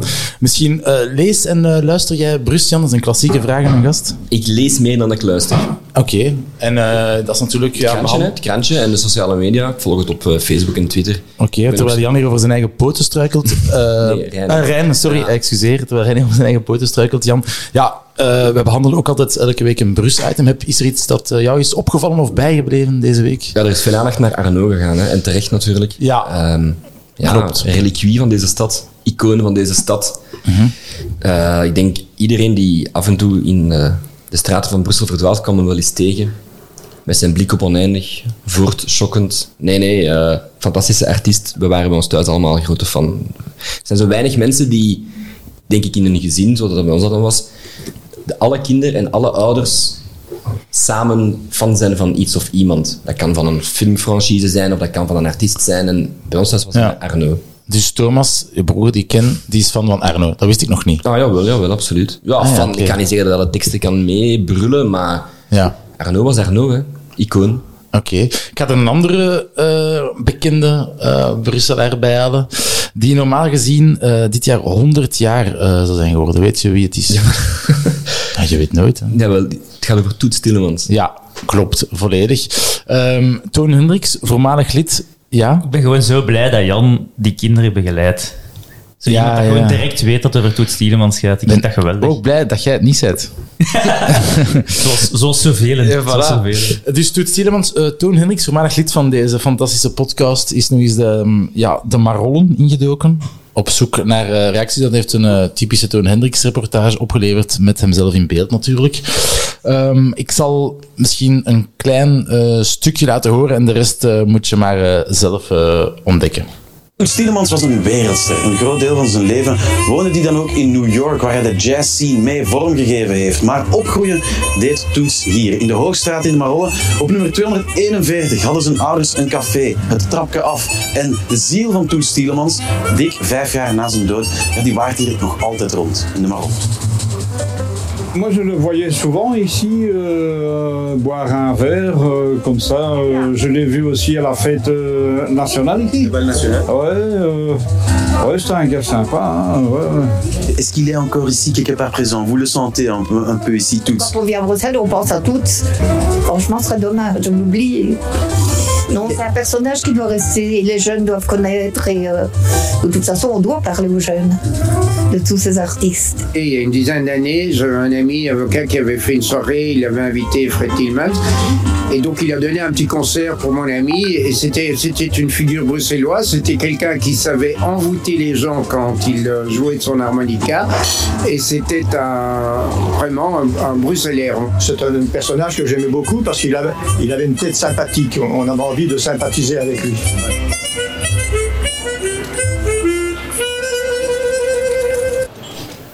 Mm, Ja, fantastische mondharmonica nog van Toets Tielemans. Er loopt ook een eh, expo, dat wil ik wel- toch wel meegeven. Toets Tielemans, The Sound of a Legend in de Albertina Bibliotheek Rijn. Ik zie al ja, geïnteresseerd kijken. Ik kan me inbeelden, ja, als doctorandus. Je hebt daar wel vaak gezeten misschien in de Albertina Bibliotheek op zoek naar Ja, zeker. archieven. En ik had die type eigenlijk ook al eh, gegeven aan uh, Kevelle Forêt. Ah, voilà. Maar ik ben er zelf ook nog altijd niet geweest, dus Nee. dank je om mij er toch nog eens aan te herinneren. Voilà, dus eh, zeker naar, eh, naartoe. Ja, ehm, misschien richting het, eh, richting het einde gaan. Ehm, ja, wat, wat rest er voor ons nog in die, in die play-offs? Ik denk dat we minstens moeten voor die plaats 3 gaan om te beginnen. En alles zal afhangen van de komende twee wedstrijden. Ehm, en ja, we moeten, moeten ons best doen om nu elke wedstrijd te winnen. Sorry. Maar, ehm, Mediatraining doe je ook? ja, ja, ja, absoluut. Oké. Ehm, nee, Ja, was er veel mediatraining voordat je hier mocht aanschuiven? niks. Dat lijkt me moeilijk bij zo'n instituut als eh, Royal Sporting Club Ze hebben Anderlecht. zoveel vertrouwen in Jan. Ja. Carte blanche. Heb ik het beschaamd? Nee, Nee, absoluut zeker niet. niet. Zeker nee, heeft alleen maar goede dingen Maar, gezegd. ja, maar dus over de komende wedstrijden. Ja. Ehm, ik zei vorige week, we moeten nu 7 op 9 pakken. We hebben nu een punten gepakt, dus nu moeten wij twee keer gaan winnen. En En dan? Ja. Hoeveel dan, we dan? dan Want als stel dat Brugge 0 op 6 pakt tegen Union. Dan doen we terug mee. Nee, dan is Union zo goed als kampioen. Dan, dan moeten wij thuis tegen Union. Een en, en, kampioen en dan kun die, je al zeggen die van... zijn al zeven dagen nee, maar dan, gezakt, kun je dus zo, kunnen- dan zou ik graag hebben van, we komen 1-0 voor en dan bestormen we het veld. 0-5 en eh Union Dan kun je kampioen. nog tweede worden dan als ik me Oh, niet maar jij gaat het veld bestormen. Ah, ja, Union kampioen en dan zeg je misschien, dan moet je nog thuis... Allee, wat, wat moet je Nee, nog nee, op Brugge nee, gaan en dan op Brugge... Dat is, dat van de dat RWDM. Ja, nee, nee, Dat wie Anderlecht. niet, Nee, maar nee, gewoon... As a champion. Ah, nee, dat nee, nee. niet doen. Maar het hele ding is, je moet gewoon als Anderlecht zijn, je moet gewoon alles geven en zoveel mogelijk punten proberen te pakken en zo goed mogelijk eh, je seizoen afsluiten. Eén, Ja, voor, dat is- de- één voor de supporters, maar ook op sportief vlak, want ik denk, eh, hoe hoger dat je eindigt, hoe belangrijker het is om misschien bepaalde spelers te houden, misschien andere spelers te halen. Eh, ja, allee, ik denk dat een Zirkzee niet gekomen is. Uh, allee, als we geen kans hadden om Europees te spelen. Allee, Ik we, ben hebben het niet, we hebben het niet, niet gehaald tegen Vitesse, maar ik denk dat dat wel een van de voorwaarden was van ik kan hier Europees spelen. En uiteindelijk was het getekend en hebben we geen Europees gehaald, maar Ja, over die, gewoon alles geven. Over die een mogelijke titel van Union gesproken. Stel dat Union eh, deze zondag wint van Brugge, dan eh, moeten wij met deze redactie natuurlijk ook aandacht besteden aan die andere voetbalploeg. En dan mag ik een hele nacht lang, u hoort het goed, een hele nacht lang post vatten aan het Dudepark bij de midweekspeeldag Club Brugge Union. Maar nee, maar En- sorry, maar je moet hier wat meer op je strepen En staan. wordt je Ja. dan voorzien eh, van drank Dat door wordt- Dimitri? Verschrikkelijk. Ja, dan, ik- moeten dan zo feestdronken supporters aanspreken. En die moeten dan zo... Ja, zeker wel. champion, zo van die stand-ups in het journaal waar Ja. ze dan... Oh, ga je. Exact, ja. Godfried Roeland als de nieuwe Bob Peters. Ik kijk er zo naar Ja, uit. ze hadden het eerst gevraagd aan een andere persoon van deze redactie die ook wel iets met voetbal heeft. Toon Hendricks. Maar die zijn natuurlijk, ja, s'nachts werken. Wie doet dat nog tegenwoordig? Dus zal ik het maar doen.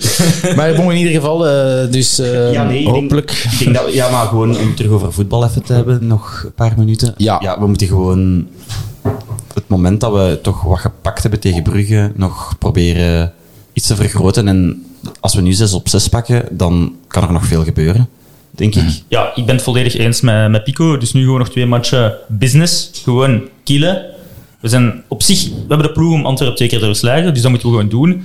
En daarna terug volop jeugd. Nee, Ja, maar het ja, hele ding is, het, het narratief is heel belangrijk. Het narratief van hoe gaat het seizoen gaat gaan, dat gaat het hem doen. En dat, zoals ik zei, ik zei ook na de beker van, het was, eigenlijk mocht je, allee, als je een beker wint, is maar in een beker veranderd. Maar voor mij was dat narratief heel belangrijk van, we doen toch terug mee voor iets van, en, en, en tegen Union krijg je dan die tweede klap. En nu heb ik terug zo meer dat gevoel van, er zit toch misschien wat in. Maar het zal ja, elke week afwachten zijn wat we kunnen brengen. En, maar ik denk tegen Antwerpen moeten we wel kans kunnen maken. Dat hebben we ook getoond Allee, in het seizoen. Dus eh al vertrouwen in. Jan, heb jij er nog iets aan toe te voegen? Ik sluit me aan bij de heren analisten. Oké, dan... eh, 0-3 na kwartier. Een mooie klassiek. Voilà, en dan is het eh, ja, richting het einde dwarrelen eh, bijna zeker voor hem. Ik zie nu al vier blikjes staan eh, naast eh, de micro. Ja, mag ik nog iets kleins zeggen? Jazeker. Want in tegenstelling tot iedereen eh allee, wat geïnsinueerd dat ik, dat ik dronken zou zijn, dat is helemaal niet waar. Eh, Vier blikjes, vier glazen. 12 procent. Jazeker. Kan dat allemaal verwerken. Eh, nee, wat ik wou zeggen, ik vond het wel raar. Dat is gewoon omdat ik weet dat de woordvoerder Ja. nu zeker luistert, omdat we iemand hebben uitgenodigd van, eh, van de club. Oei, oei, oei, oei. Eh, deze komt niet goed. Die oproep eh, om uw tickets af te printen, eh alvorens het stadion binnen te gaan, ik vind dat echt prehistorisch. Dat kan toch niet dat wij als club 20.000 papieren moeten afdrukken om binnen te geraken. Dus ik zou echt willen oproepen eh, dat daar iets zo snel mogelijk aan gedaan wordt. Wat ik ook nog voor zou willen oproepen is, kijk, er ligt een markt voor u, denk ik, want de kandidaten voor het nieuwe voorzitterschap voor Groen, ze zijn maar niet zoveel. er zijn er is een oude werknemer bij ons die zich kandidaat heeft gesteld voor het eh, voorzitterschap voor Groen in co-duo met Jeremy uit Anzegem. Dus ik denk dat jij met dit statement er ook wel nog kunt geraken. Ik heb nog één scoop. Ehm, Ja, dit is een scoop, ja, jong. Ja, nee, ik, weet niet wat er van waar is. Ik heb uh, horen, ehm, horen vallen dat het logo van Anderlecht zou licht gewijzigd worden. Ja. Ik heb dat Iets daar- moderner ik, ik, gemaakt Ik heb dat deze worden. middag wel nog gecheckt. Dat blijkt dus niet te kloppen. Ja, of ze hebben... Of, wat dan niet zo moeilijk is bij mij, gewoon een staalacht in mijn gezicht gelogen. Dat kan, hè. ik, ik geef het maar mee. Ik heb gehoord dat er een modernere versie zou komen van het huidige dat ligt, logo. Ja, als het zo'n Juventus-toestand wordt. Of misschien dat ze nu gewoon de stekker al hebben Ik denk dat er al genoeg zoals we- veranderd is. Zoals we nu gaan Ja. ook doen met de podcast. Alleen met deze aflevering. toch Ja, maar ik denk dat er al genoeg veranderd is. Die naam van het stadion dat was al genoeg. Als dat echt gebeurt, hè, Had dat logo nog maar zo. dan stuur ik een foto van Romelu Lukaku op de bank zit bij Chelsea naar hen. Dan zullen ze het niet meer doen, denk ik. Ah, voilà. Ja, of ik stuur fun, Jan. Hè. Ze kennen mij daar wel. Bij Wouter en Peter. Oké, dus eh, we gaan nu wel echt eh, richting het, eh, het einde van de aflevering met dit. Song van de week.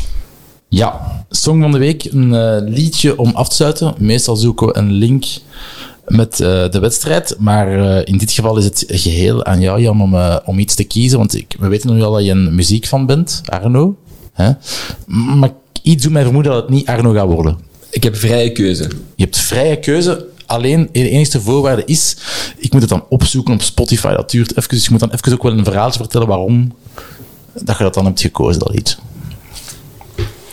Dan moet ik nog een reden geven. Ook. Nee, doe maar iets van de Beatles. Ik ben van mening dat er nooit genoeg Beatles op de radio kan zijn. En ehm, er wordt weinig Beatles gedraaid in Toto Park. Heb je een voorkeur of mag ik ook ehm, mijn porte-quoi pakken? Jawel, doe maar ehm, Get Back. Get Back. Of En- Help. Ja, maar ja. Nee, Get, of- Back, Get Back denk ik Get dat Back, dat wel een voilà. mooie titel Want wat is. Vincent altijd? We take everything back. Voilà, en dan maken we weer een eh, afspraak voor eh, volgende week, voor we naar eh, Get Back gaan. Want dan is eh, Christian, kortweg Chris Kuppens, te gast. Oudspeler van Anderlecht en Union, naar aanleiding van natuurlijk de wedstrijd eh, Anderlecht-Union. Dus dat zal opnieuw een heel leuke afspraak zijn, denk ik. Denk ik ook. Ik kijk er naar uit. Jullie zijn er opnieuw bij. Vast. The picture. The picker. Picture the fingers, good. Okay.